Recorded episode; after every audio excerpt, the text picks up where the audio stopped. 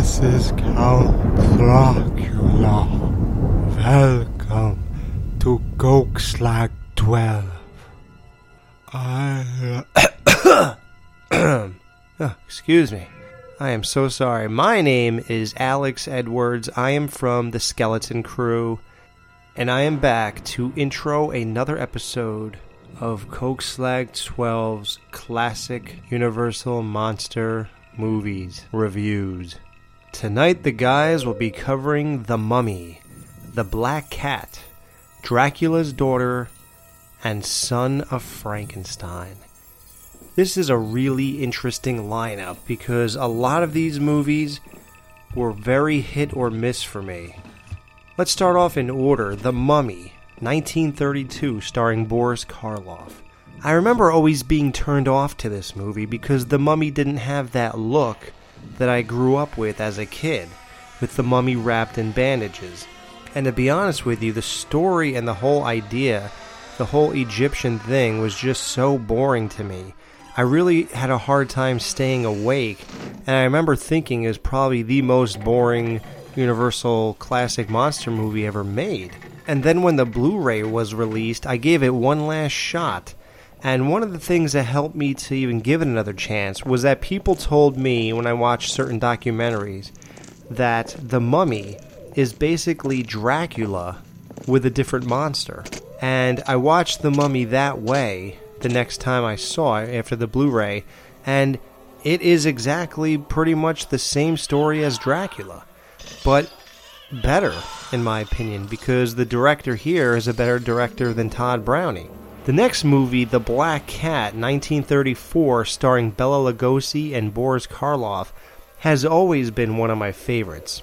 I do my own horror podcast called The Skeleton Crew, and we just released our Black Cat review today as I'm recording this. Our show just came out.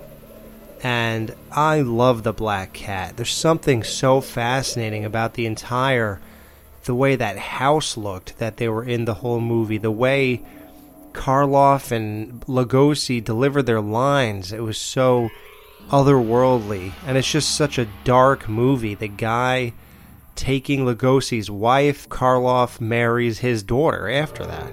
So he had his wife and then his daughter, which is crazy.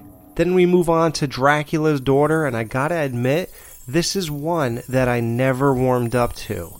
I think I watched it one, possibly two times, and neither time was I very interested in it. So their review should be pretty interesting. 1936 as Dracula's Daughter.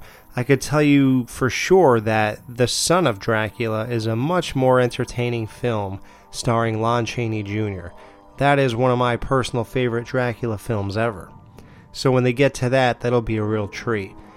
And they ended off with probably, in my opinion, the most overrated classic Universal monster movie of all time Son of Frankenstein, 1939. This was the last installment of the original Boris Karloff Frankenstein trilogy. He did Frankenstein, The Bride of Frankenstein, and now The Son of Frankenstein. This movie pretty much overstays its welcome. I mean, it's time to wrap it up, and it goes on for another half hour or so.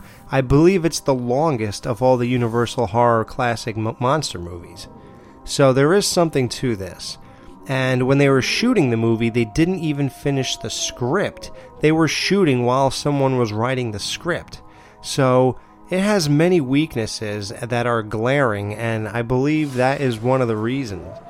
Son of Frankenstein is a really poor entry that a lot of people give a pass to. I mean, it does have some good points to it. It does introduce Bela Lugosi's character of Igor, which is amazing. He is the show stealer of this movie. And you could tell that Karloff was just not given the material he was given in Frankenstein and Bride of Frankenstein.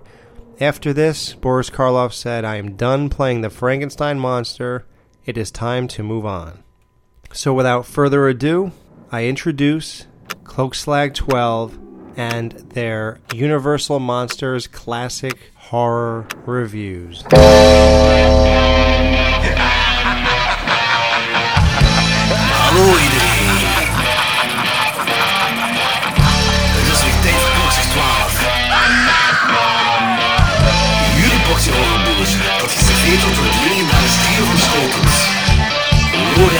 Wat? Ik kan me zelfs niet een beetje herinneren. Danny Ja, fuck die, fuck die mensen. en Jordi. Haha, yes! Bier drinken! Woo!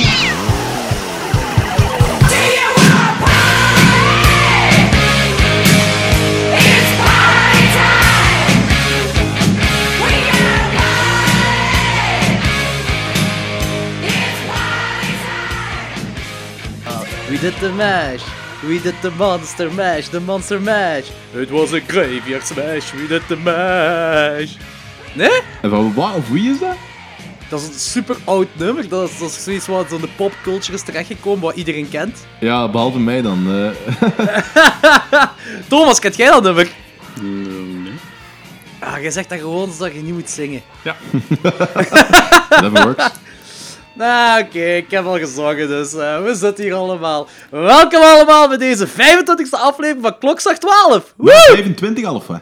Ja, ja, dat is, eh, ik weet niet, eh, was dat goud? Nee, goud is dat niet, hè. dat is papier zeker, ik weet niet. Hier is één jaar. Ah, oké. maar wij doen één aflevering, is één jaar voor ons. Oké, pak, pak dat dat brons is dan of zo.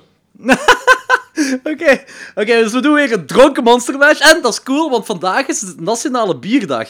Mo. Eh, even aan de luisteraars die deze titel lezen. Jullie vragen misschien af...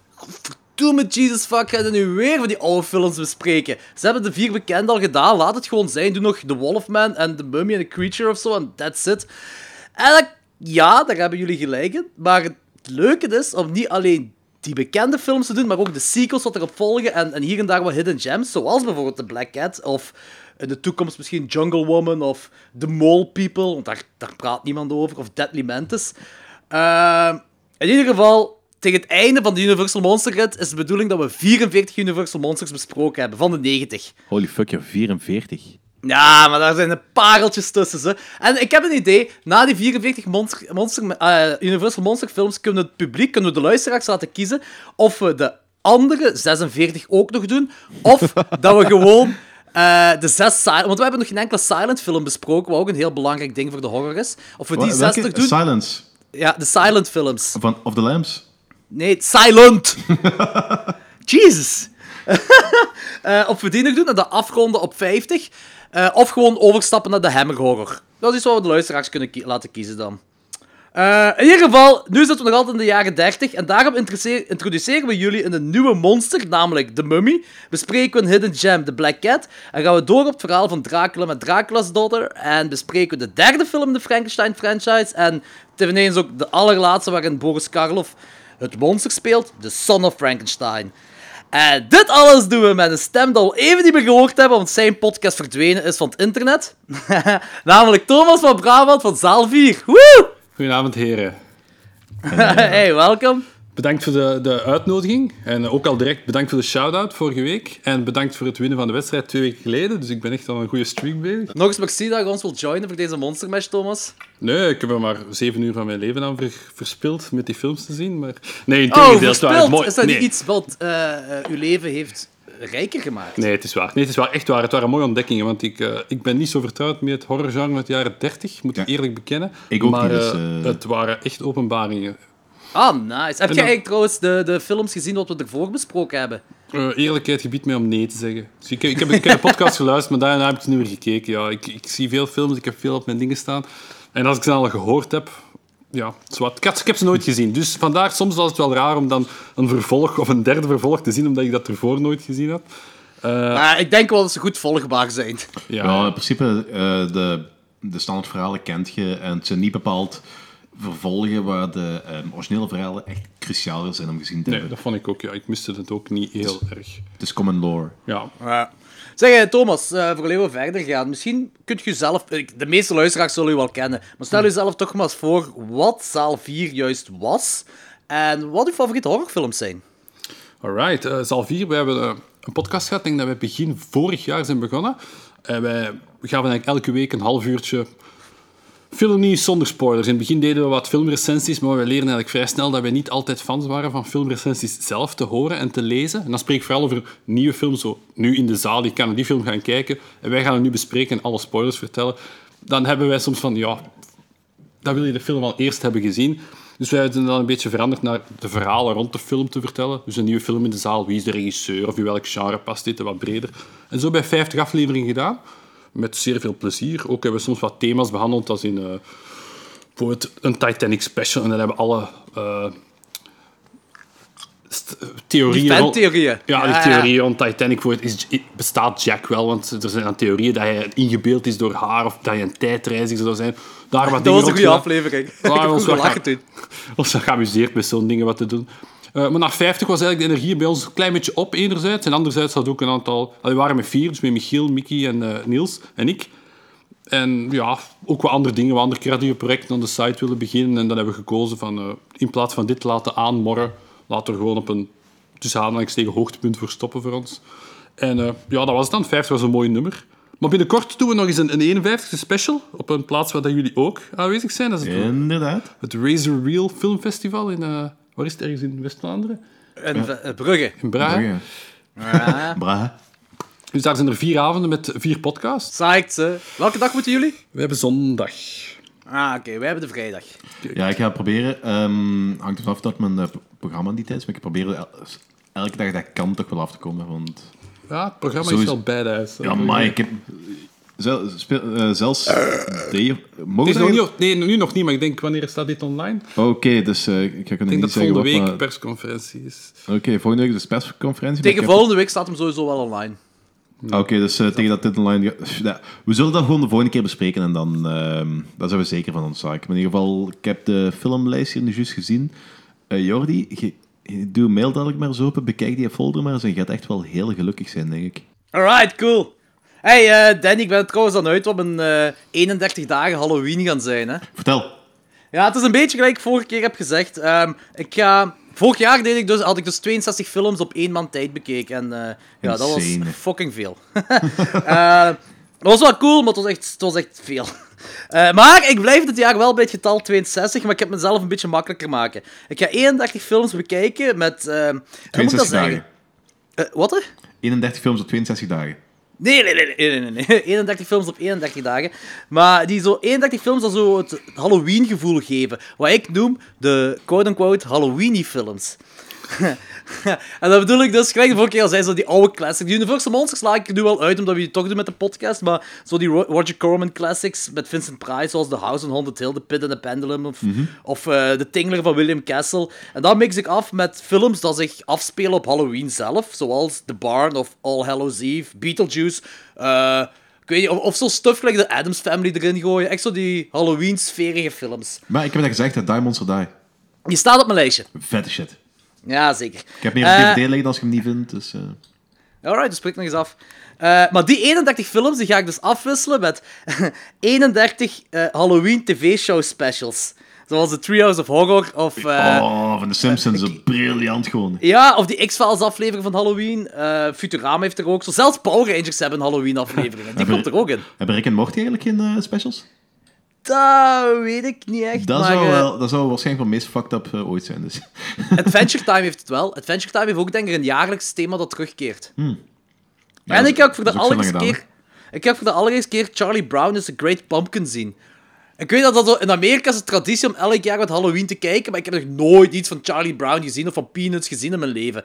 Dus dit gaat mijn allereerste keer zijn dat ik Charlie Brown It's a Great Pumpkin ga zien. Ik denk dat ik gewoon 31 keer Nightmare Before Christmas ga kijken.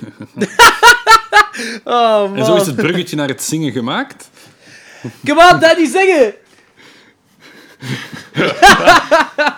hey, oeh, oeh, we hebben luisteraarsmail. Oh, alweer? Ja, dat is zot, dat dan hebben- moet ik niet zingen. Oké, deze, deze luisteraarsmail komt van Tom van Kwikkelbergen. Hij begint. Beste snokslag twaalfers. Dat was uw beste verspreking ooit, hè, Danny. Ja, dat er. En- en- en Dat is die, dat is die mens die daar... ehm, ehm, op- Kwaad was op pokken. Kwaad was op fokken, ja. Ja. Ja, ik heb die op uh, be- Antwerp Metal Fest eh, even mee gepraat. Dat is wel sympathieke voor de rest. Ja, maar ze- zijn mail is ook wel cool. Ze ze zegt zo beste snokslag twaalfers. Ik moet bekennen dat ik vroeger sceptisch naar jullie podcast luisterde, maar jullie zijn uitgegroeid naar een stroomlijnde, bierzwelgende samenhangsel van true horrorfans, waar ik elke keer met veel plezier naar luister. En it fucking rules, love you guys. En dan zegt hem erbij, fuck die Hollander.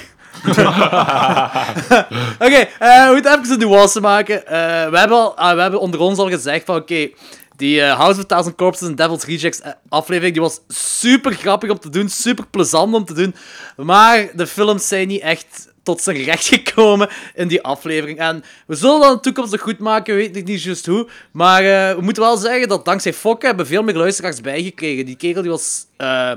zo vriendelijk genoeg om, om die aflevering te delen, overal op zijn media, eh, social media accounts. Dus fuck die Hollander was misschien toch wel een beetje hard gezegd. Verder laat hem nog weten, eh, moest het onder jullie radar geglipt zijn, eh, die dude van Goblin, die speelt de Dawn of the Dead soundtrack in de vooruit in Gent op 20 oktober.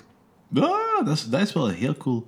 Ja, Maar- dat is maar inderdaad. Het probleem is, eh, 20 oktober is volgens, zitten volgens mij al vijf shows waar ik heen ga, dus... eh, Eh, Oké, kom, we gaan eh, terug into de Monster Mash. Onze tweede Monster Mash. Moest er luisteraars zijn die onze eerste Monster Mash nog niet geluisterd hebben, ga terug naar aflevering 10, waar we samen met de Pi, Dracula, Frankenstein, The Invisible Man en Bride of Frankenstein besproken hebben. Ehm, oh ja, ook nog even op voorhand. Eh, de vier monsterfilms die we nu gaan bespreken zijn één en al spoiler reviews. We gaan geen scheiding doen tussen spoilerloos en spoilers. Kijk de films, en als je films niet gezien hebt, kijk de films en kom dan terug om te, verder te luisteren. Dan beginnen we met The Mummy.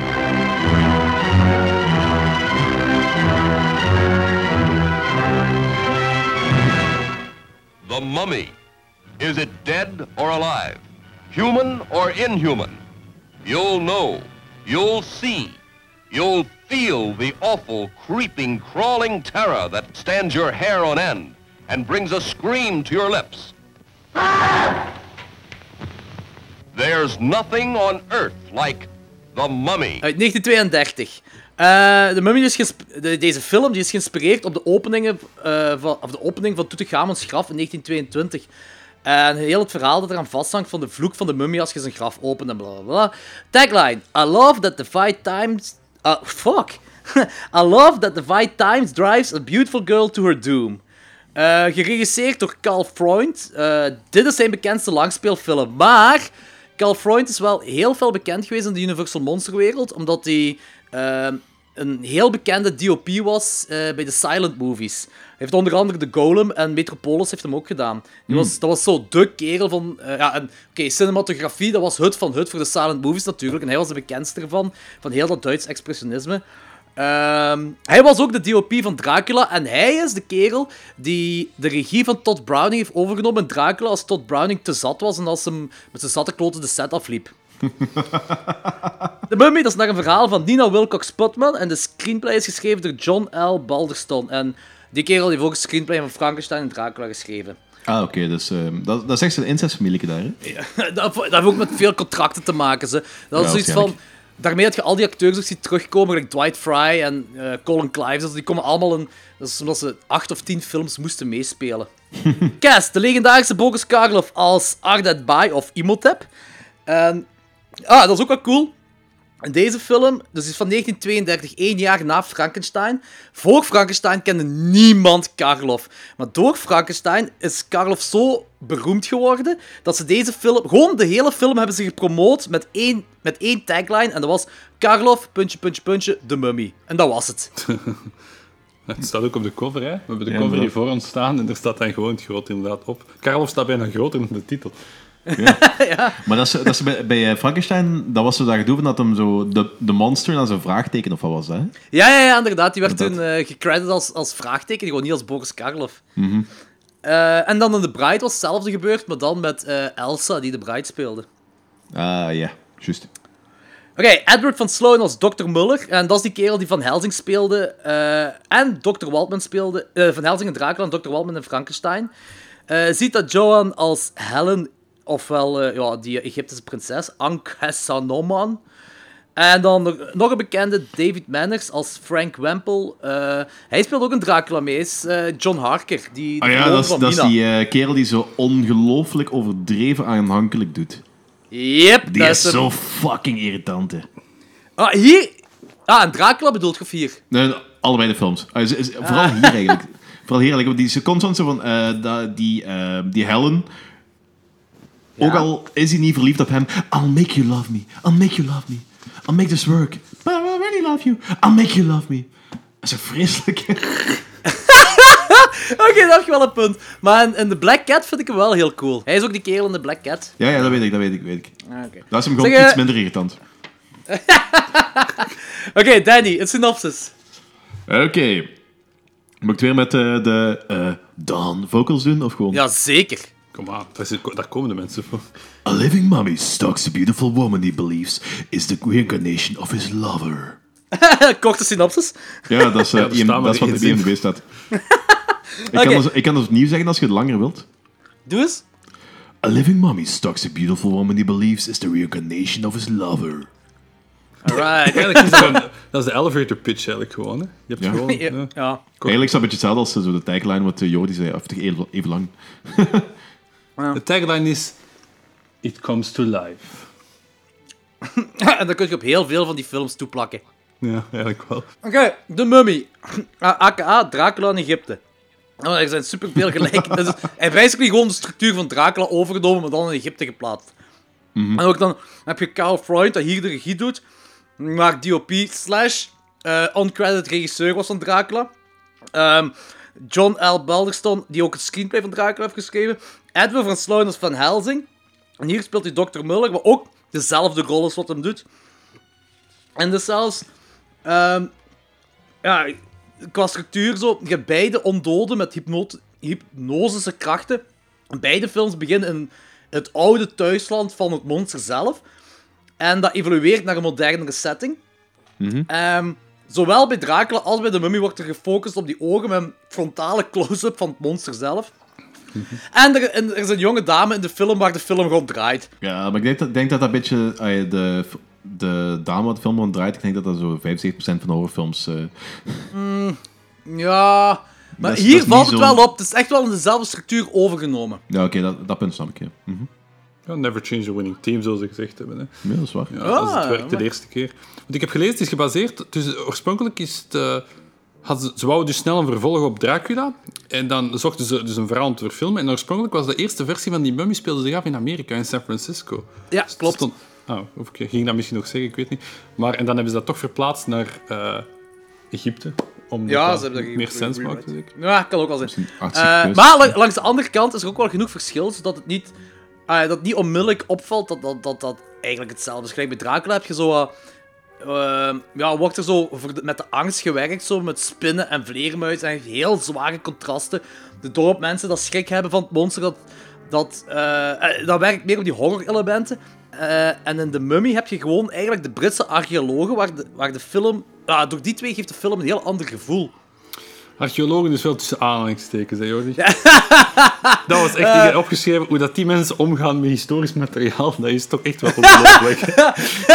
die die doen Ja. alles open, die pakken alles af. Tegenwoordig gebeurt dat met tandenborstels, dat er zo 1 gram zand wordt verwijderd. Daar is dat, wow, we hebben iets gevonden, laten we het allemaal wel open trekken en openbreken. Geweldig om te zien. Hey, de jaren 30 was een heel andere tijd, Thomas. Ja, fantastisch. Ik ben benieuwd, want eh, Thomas, dit is eigenlijk uw allereerste Universal Monster film dat je gezien hebt. Ja, Wat vond je ervan? was niet de eerste. Ik heb ze niet in de volgorde gezien, moet ik zeggen. De eerste was de, eh, Ah! de Black Cat. Maar dat doet er niet toe, dus het past wel. Ah, jawel, jawel, jawel. Dat is dat zelfs beter om te vergelijken, want als je de Black Cat eerst hebt gezien en dan gaat je terug naar deze, is, vind je deze ook niet saaier tegenover de Black Cat? De Eh, muziek is een pak minder, ehm, de, de shots zijn veel langer, alles, alles werkt veel trager. Ja, dat zat er inderdaad wel in. Maar ik vond, en om niet vooruit te lopen, ik vond zowel de Black Cat als de Mummy als de Son of Frankenstein. Niet, ik wil niet vooruit lopen, maar die vond ik alle drie zeer goed. Maar de Dracula's Daughter vond ik veel minder van de vier. Ja, en dan was ik aan het denken, waarom kwam dat dan? Maar ja, ik vond dat de andere drie wat meer geleken qua structuur. En ook, ik- dat was de enige waar dat niet onze vriend Boris in meespeelde. En ja, eigenlijk elke keer als die ontzet is, steelt hij toch wel heel die scène. Dat is onwaarschijnlijk. Ik kende die dus niet, want ik had nog nooit die mens gezien. Dat is wel interessant. Ik had, hem, ik had jullie er al over horen praten, maar ik had hem nooit gezien. En wauw, wat een fantastische karakteracteur is dat. Dat is echt onwaarschijnlijk. Ja, ja, zeker. Het is beestig. Voor de rest qua monster, maar het doet me soms meer denken aan een toneel dan aan een film. En dan niet op een slechte manier Ja. bedoeld, maar het Nee, zijn effectief nee, dat gewoon scènes, scènes, scènes, speelt zich allemaal af. Er wordt enorm geoveract, er wordt enorm proper British gesproken heel de tijd. Is, is heel leuk. Mm, en samenvattend, dat is dan misschien om af te wijken. Dit is voor mij wel een kern horrorfilm. Dat past bij mij bij horror. Hoewel, we hebben daar al eens over gediscussieerd, thriller en horror. Je weet dat ik daar een andere mening heb dan jullie. Voor mij zijn veel meer films die jullie bespreken thrillers en geen horrorfilms. Maar deze vind ik wel een horrorfilm. Hoewel dat geen gorefilm is. Want horror is voor mij niet goor. Er zijn andere redenen waarom ik horror en thriller anders vind. Maar deze is voor mij wel echt een, een mo- mooi voorbeeld van een horrorfilm. Dat snap ik. Dat snap ik. Ik moet eerlijk toegeven dat... Oké, ik, zit nu al... Ik, ik denk al 10 of 15 jaar die Universal Monster films kijk. Maar de eerste keer dat ik deze had gezien, was ik ervan afgeknapt. Omdat die... Ik vind de eerste twee acts heel saai. Heel saai. Maar ik heb me echt de eerste paar keren dat ik deze film zag, heb ik me door moeten worstelen in deze film. Maar de derde act, de payoff, vind ik wel heel mooi gedaan. Met die hele flashback van hoe eh, Boris Karl, Imhotep dan eigenlijk, dat hij dan levend begraven wordt als je dat allemaal ziet afspelen en zo. Ja, dat was Dat heel vind- cool. Dat was echt de next level shit mee in die badkuips en een geweldige tv te plakken. Dat was Ja, met, met, de, met de, de, de, de, de tombe of de crypto, hoe heet dat, hoe heet dat ding ook? Ik heb de naam kwijt. Sarcofaag. Sarcofaag, met de, de houten binnenkant. Ja, Ja, dat, dat oké, ja! Ja, Ja, ik- maar ik, ik, ik, ik ga het niet zeggen. wat hè? Nee, ik ga het niet zeggen. Ik ga het niet zeggen. de- door... Ah, laten we raden. Is Lovecraftiaans? Dat is niet Lovecraftiaans, maar ik had er zo op een gegeven moment wel zo'n zo, eh, gevoeletje bij. zo, ik denk in die, in die, die akte waar dat ehm eh, dingske daar die een scroll voorleest en je moet heb dan tot leven komt en die het doet dan gek wordt, krijgt hij wel zo'n vibe. Maar dat is niet... Dat is, zo heel hard. Ik vond het heel cool met de, de, de dubbele, dat R, dat B en dat Imhotep, Ja? dat dat dan twee karakters waren die dan al tien jaar in eh Cairo ronddwaalt op zoek naar zijn ding. Dat vond ik wel ah, een leuke denkpiste. Gewoon het feit Ja, dat hij er al tien jaar dan rondloopt als mummie zijnde. En hoe gebeurt dat dan? Wat, wat eet hij? Wat- hoe slaapt hij? Ik vond het echt allemaal heel intrigerend om over na te denken. Dat op een En die wordt jonger, of ja, jonger, eh, minder, minder dood naarmate dat de tijden vooruit gaan. Ja, ook Je zit die- interessant. Ja. Ja, wat, wat is zo minder en minder berimpeld. Ah, trouwens, die, eh, die eh, make-up van, van Boris Karloff, trouw, weer gedaan door Jack Pierce, de almachtige Jack Pierce. Maar eh, die werd dus, voor die beginshots, was die volledig, helemaal volledig eh, in make-up, in een kostuum. eh, en dat duurde acht uur voor alles te maken van hem. En het enigste wat ze laten zien is op het begin is een close-up van zijn, ja, een frontaalshot van zijn gezicht en zijn schouders en zijn arm. En dat is het. Terwijl die volledig, 100% volledig in, gemummificeerd was. Amai. Dat is een beetje jammer dat ze daar geen gebruik van gemaakt Want, want het is eigenlijk... Als je de echte mummiefilm wilt zien, waarbij je zo de gemummificeerde mummie ziet rondlopen en vermoorden en zo, dan is de volgende film is eigenlijk een betere film erop. Dat is de, eh The Mummy's Hand uit 1940. Dat is een Ja, want dat is eigenlijk hetgene wat, wat ik zo... eh, wat dat me meest verbaasd heeft. Want ik heb nooit... Ik heb... Ja, tot die Brendan Fraser dingen heb ik nooit een mummiefilm gezien. Waarvan echt, echt nu pas ben bes eh, beseft eigenlijk dat, dit een, re- dat dat een remake is van deze film. Ja, en die nieuwe Tom Cruise dan blijkbaar in a way weer. een- Dat zijn eigenlijk allemaal remakes van Ja, remakes maar van dat, dat, remakes. is, dat is effectief omdat, dat, omdat ze nu dat Universal Monster... Ja, oké, maar, maar eigenlijk het verhaal blijft Hetzelfde. eigenlijk op Ja, dit maar- Ja, ja. terugkomen. hè. Dat is Maar ik heb, Natuurlijk, dezelfde structuur. dus... eh. Nee, ik ook niet, Oh. maar... Ik ook niet. maar we kunnen die wel al in de shitter halen. Dus. Maar in ieder geval, ehm, ik, ik had ook zo dat beeld van die mummy-films, eh, buiten dan die Brendan Fraser-films. Ik, ik dacht dat de oude Ah, Millie... kakfilm is die Brendan Fraser film. Ah, ja, whatever. Eh daar gaat het nu niet over. Dat is wel met next president of the United States, The Rock, hè? ah ja, Ik dat maakt de, film inderdaad beter. Ja, maar nee, dat, de Scorpion Kings met de Rock, hè? Dat zijn die, zijn Is dat die, een van de Mummy? dat zijn die prequel sequels. Die komt volgens mij in de Mummy 3, 2 of zo, komt die wel voor, met die ongelooflijk slechte CGI. Jesus, kut. De eerste heeft al zo'n ongelooflijk slechte CGI. Ja. Allee, Oh. deze niet, hè. Toen In ieder bestond geval, dan ziet de Rock er echt uit gelijk alsof die van plastic gemaakt Hier is de. CGI geweldig. Als je zo die, eh, die, die, die, die stukken windel do- door die deuropening zie wegtrekken. Heel traag. Geweldig. geweldig. Hij heeft een beetje, zo, de, hij heeft een beetje de Thing-vibe. In ieder geval, eh, dus wat ik wou zeggen, eh, drie minuten geleden al, eh, ik ben, shit, ik ben mijn draad bij- kwijt. Eh, ah ja, kijk, ik heb al, altijd zo dat idee gehad dat, dat de mummy inderdaad een mummy was, die gewoon een beetje in zijn verband rondliep en op een of andere mysterieuze wijze vermoorden. met zijn heel trage wandel nog altijd mensen kon doden. Michael Ja. Myers verhaal. Ja, eigenlijk, eigenlijk Ja. wel, maar dan zo stoffiger. Eh, dus dat, in, in de Mummy's Hand gaat je dat wel te, eh, hebben. De Mummy's Hand, trouwens, ja, wat ik dus zei, is een heel losse remake op deze film. Die, die is faster paced en daar, daar heb je eigenlijk de, de, de killing machine wat een mummy is. Ja. Wat hier niet zo echt is. Of ja, eigenlijk gewoon niet is. Ja, maar ik was wel aangenaam verrast eigenlijk. Ik had dat niet verwacht, maar ik, ben- eigenlijk, ik vond het wel blij. Ik vond de algemene vibe wel heel cool eigenlijk. Ja, ik ook. is Dat wel mijn ding. Toe, ja. Ook het feit dat opnieuw die Ardent Bay, dat dat dan een prominent figuur in Cairo is geworden en dat die in dat museum bent. Allee, ik vond echt allemaal, je kan daar nog een prikkel op maken die mij effectief zou kunnen boeien van wat is er tussen eigenlijk gebeurd. En ik vind dat wel ja, Dat snap ik wel, hè. Dat snap ik wel. Ik vind ook eigenlijk, als je in het begin gaat en eh, die archeoloog die, die zit daar, die scrolt tot, tot eh, te lezen en die mummy komt tot leven. Die schreeuw wat die archeoloog dan heeft. Ik had echt wel een, een jumpscare gevoel op dat moment. Dan zit je gewoon plots uit het niks Boris Karloff naast hem staan als mummy. En die schreeuwt echt heel schriel, wat, wat keihard werkte voor mij. Ja, ik snap het. Ja, en dat hij dan begon te lachen, dat was ook iets dat je niet direct Ah, zo- verwacht, heel. Inderdaad, hysterisch. zoals Danny aanhaalt, dat hij ja, gek wordt. Je zou bijna meer denken dat hij begint Ja. te schreeuwen of dat hij dit... Ik vond dat heel cool, onverwacht. Dat deed me heel veel denken aan de Invisible Man. Ik weet niet of je dat gevoel had, Daddy. Van eh, Dr. Jeff Griffin, die ook zo helemaal insane wordt en dan ook zo begint, de hele tijd zo maniacaal begint te lachen. Mm, ik snap wat je bedoelt, maar ik had er toch een iets andere vibe bij. Want ehm, ah, Griffin was gewoon fucked up en gestoord en eigenlijk. En eh, hier was dat gewoon- Geworden ook, hè. Hij wa- hij is gestoord geworden door het serum, hè. Ja, inderdaad. Maar hier was gewoon zo'n sanity break. Ja, oké, dat snap ik ook wel. Oké, dus eh, gewoon met het begin te beginnen. Je hebt twee Britse archeologen die vinden gemummificeerde overblijfselen van de Egyptische priester Imhotep. Samen met een of andere legendarische scroll. En een van die archeologen vertelt dan luid op. En Imhotep komt tot leven, neemt die scroll mee. Eh, en ja, die leeft dan al tien jaar of zo. Tien jaar is dat zeker. Ja, als rijke man genaamd Ardat bij. En hij zoekt achter zijn verlovige geliefde, wat hij denkt dat geïncarneerd is in Helen. En aangezien Helen eh, dezelfde actrice is als die prinses, snap ik Boris Karloff wel dat hij denkt dat zij dat is. Ja, maar naderhand blijkt dan ook dat zo die asiel er effectief zo in zit of weet ik wat allemaal. Dus eh, Ah, ik zei trouwens, er zijn effectief eh, verschillende reïncarnatiescènes gefilmd. Ja? Ja, waaronder een of andere heel ingewikkelde scène. ingewikkeld. Niet, niet, pun, niet pun intended. Eh, eh, en, mummy eh, mop is zo ingewikkeld. Woe! Er zijn verschillende scènes zou je eh, de prinses in heel veel verschillende tijdperken zien. Waaronder Rome en de middeleeuwen en eh, tussen de vikings en een oud Frankrijk en zo. Maar eh, om een of andere heel bizarre reden zijn al die scènes gewoon weggeknipt. En die zijn, eh zijn er ergens te vinden? Of? Nee, die zijn eh, verloren, die, die heb je niet meer, die scènes. Die bestaan niet meer. Sacre bleu.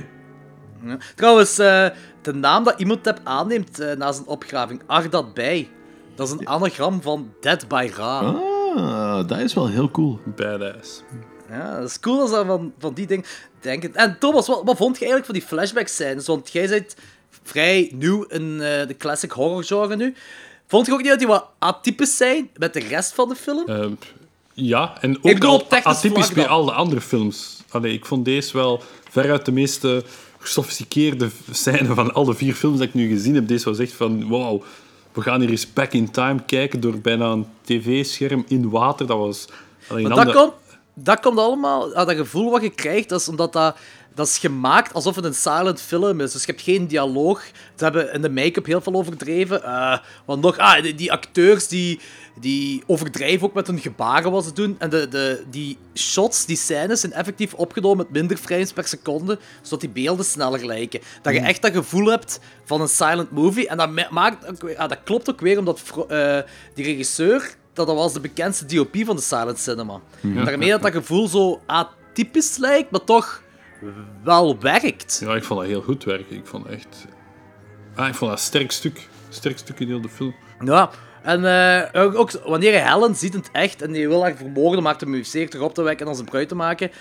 Maar dan heb je die standbeeld, wat daar zo tot leven komt. De godin van Isis, allee, die bidt en zo, en dat komt tot leven. En zo, het enige wat je ziet, is wat duidelijk, overduidelijk een mechanisme is, dat die arm zo omhoog gaat van dat standbeeld. Hoe, hoe voelt je dan als je zoiets ziet? Als je helemaal nieuw zit in het genre.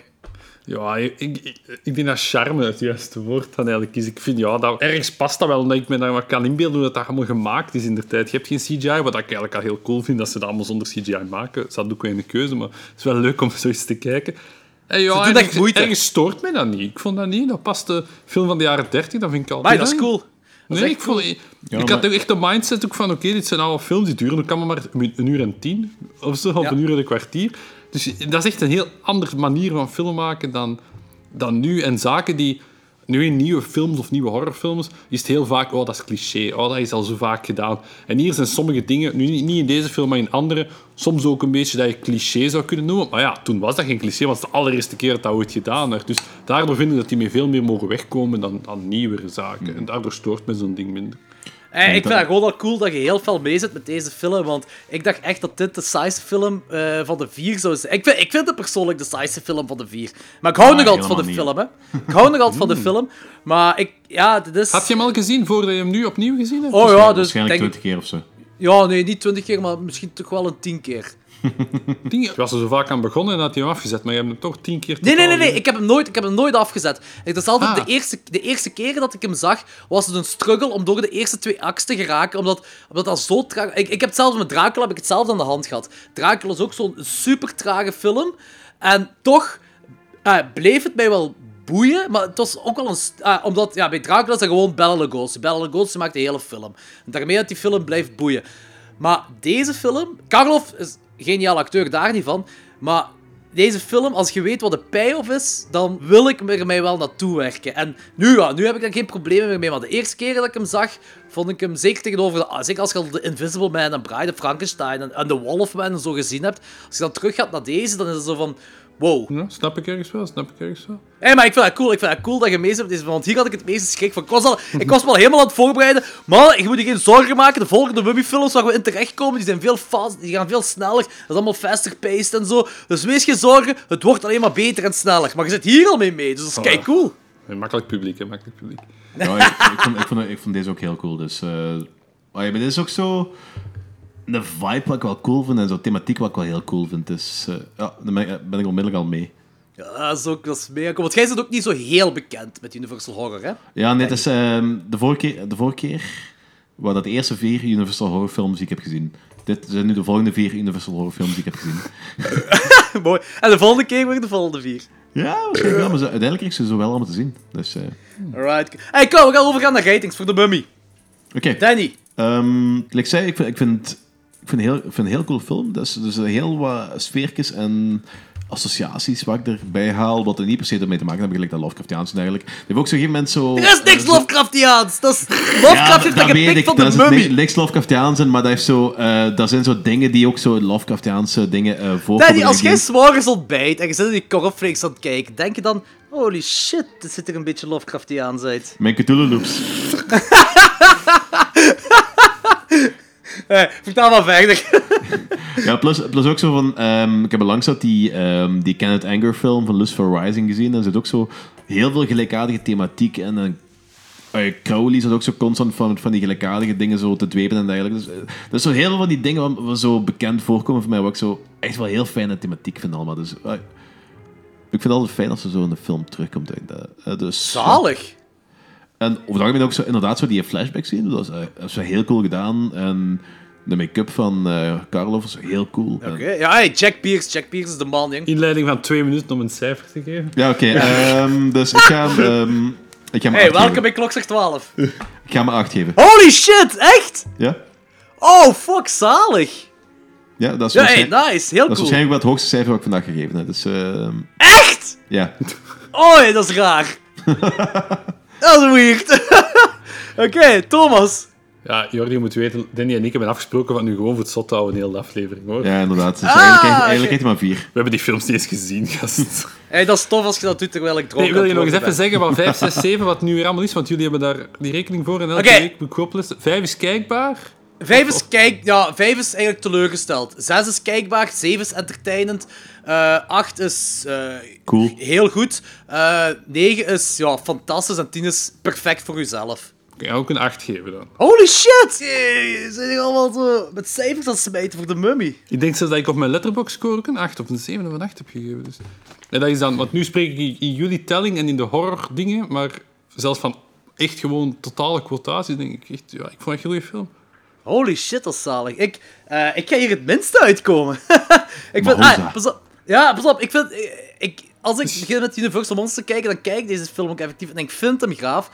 Maar ik heb altijd... Ik, ik, ik geef hem een 6,5. En dat is gewoon... Wow. Ik vind... Ja, ik...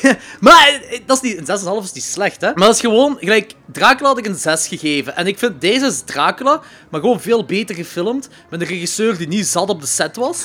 en, Nadeel.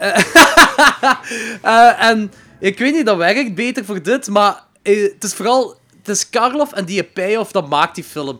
En die opbouw, dat hoort erbij, maar het is... Ja, nog altijd een beetje te traag, vind ik. Zwat, maakt niet uit. 6,5 is nog altijd een mooie score. En jullie twee geven die een 8, wat heel mooi is. Ja, ideaal. Right. De volgende Universal Classic. The Black Cat.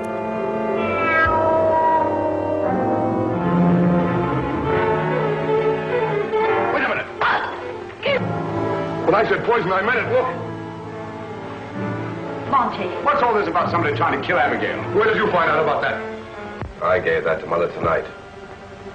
She bawled me out for it and said she was going to give it back to Abigail in the morning. Oh, then you're the guy that slugged me. Yeah, and I'll do it again any time you train down to my weight. You really want some tea? Yes. I Take my tea strong. It makes me sleep better.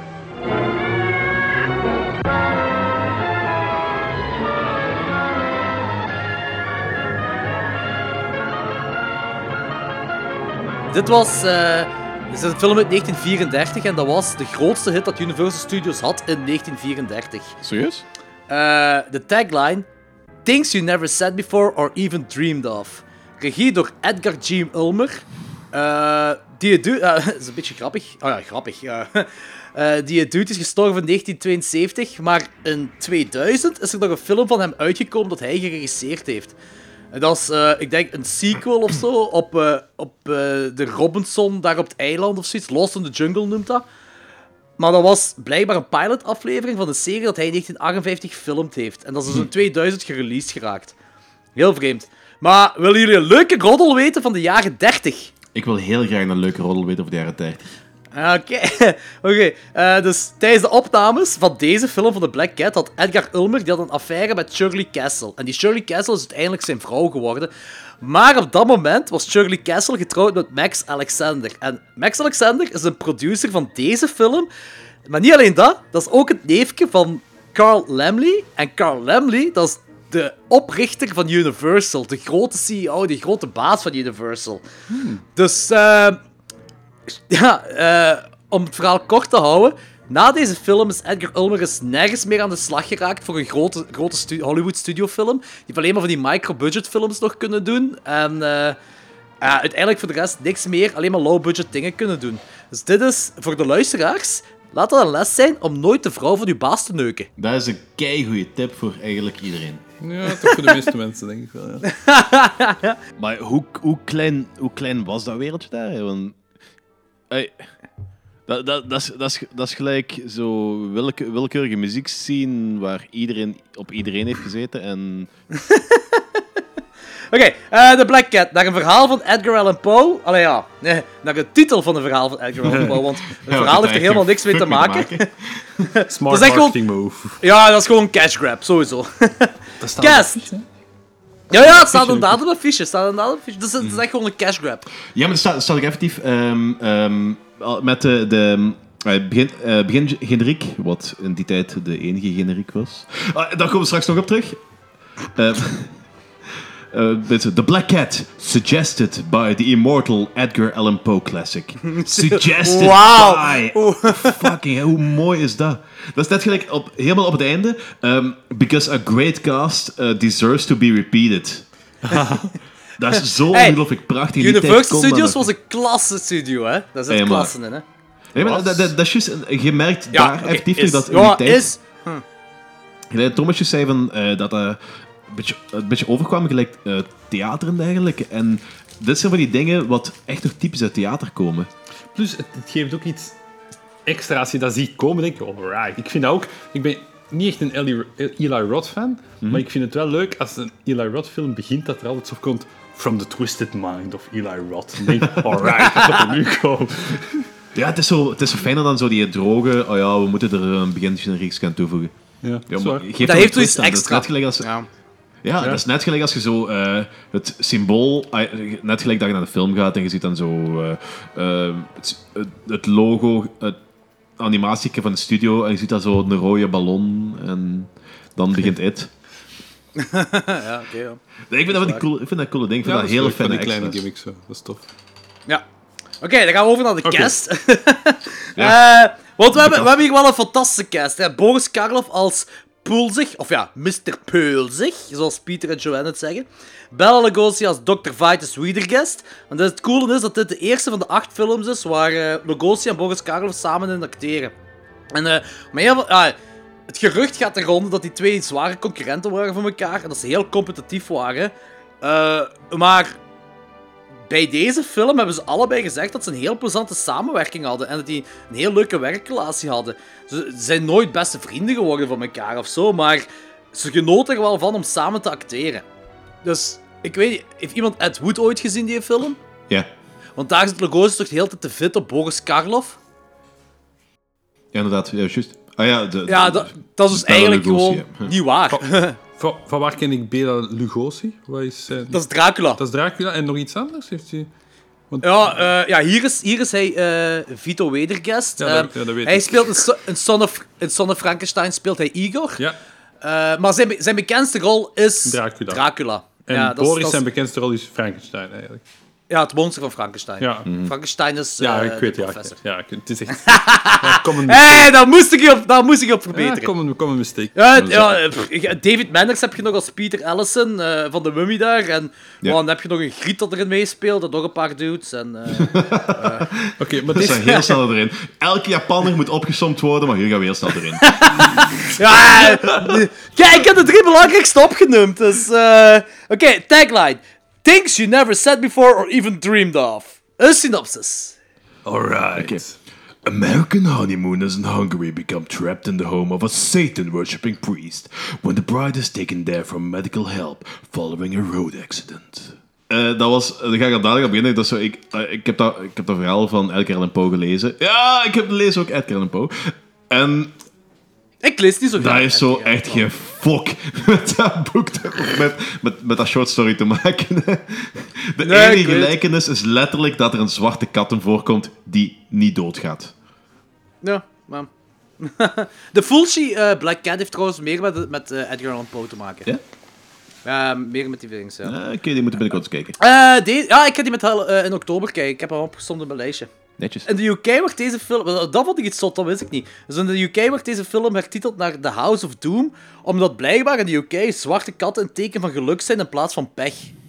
Ja, maar dat is net gelijk in eh, Italië is 13 een, ongeluks, een geluksgetal en 17 een ongeluksgetal. Wat? Echt? Ja. Is 17 dan bij ons een geluksgetal of wat? Nee, nee, bij ons dus heeft dat gewoon geen speciaal betekenis, maar zo bepaalde regels in Italië is 17 het ongeluksgetal in plaats van 13.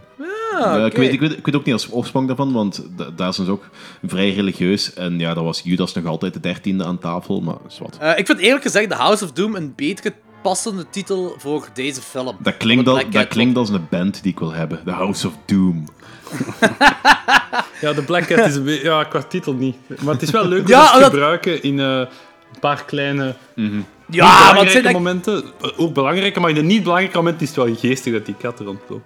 Er is maar één belangrijk moment eigenlijk. Dat is gewoon dat eh, op, op, op één bepaald moment ziet Lugosi die, die kat en die heeft daar een fobie voor. En dat was het moment dat die wou afschieten. En nou, dat was dan niet gelukt omdat die kat daar kwam. Dat is het enigste belangrijke moment dat, dat eh, ik kan indenken voor die film dat die kat erin voorkomt. Ja, en even later als die kat dan eh, terug nog altijd blijft leven. Blijkt te leven. Ja, ja, ja dus, dus, het is inderdaad een ondode kat. Want zwarte katten zijn blijkbaar hut van hut van de evilheid. En die gaan niet dood. Die zijn deadless, zoals ze in deze film zeggen. Heel erg wat teen. Wat vond je van die intro? Dat is de eerste film eh, van de Universal Monsters dat de hoofdacteurs introduceert met opening credits, met stukjes film. Ja, in die openingscredits. En dat gebeurt hedendaags helemaal niet meer. In series ziet je dat. Eh, ik denk hedendaags ook niet meer, maar in film hebben we dat... Film zie je dat soms op het einde nog, hè? Op het einde in de aftiteling, dat ze zo de, Mhm. de acteur nog eens laten draaien. Nu, nu, nu heb je dat soms nog, allee, zeker zo films van de jaren 80, 19, denk voor Platoon of zo, op het einde laten ze dan Ja, nog eens dat allemaal klopt, dat die klopt. eh, acteurs zien en de rol dat ze speelt, dat je nog eens ziet op Ja, camera zelfs. Devil's Reject heeft dat in principe nog. Hè? Huh? Ja, maar op het einde heb je, niet meer. eh, heb je op het einde niet... Ah, jawel, jawel, dat met met waar de dat dan credits. Zo, Met de credits, slow motion, de credits, dan... dan eh, Ja, ja, ja, ja. Juist, juist, juist. En bij dingen, bij de hangover met, met foto's doen ze dat dan, Ja, hè? ja, ja, maar dan vertellen ze een verhaal dat een beetje verder gaat, niet?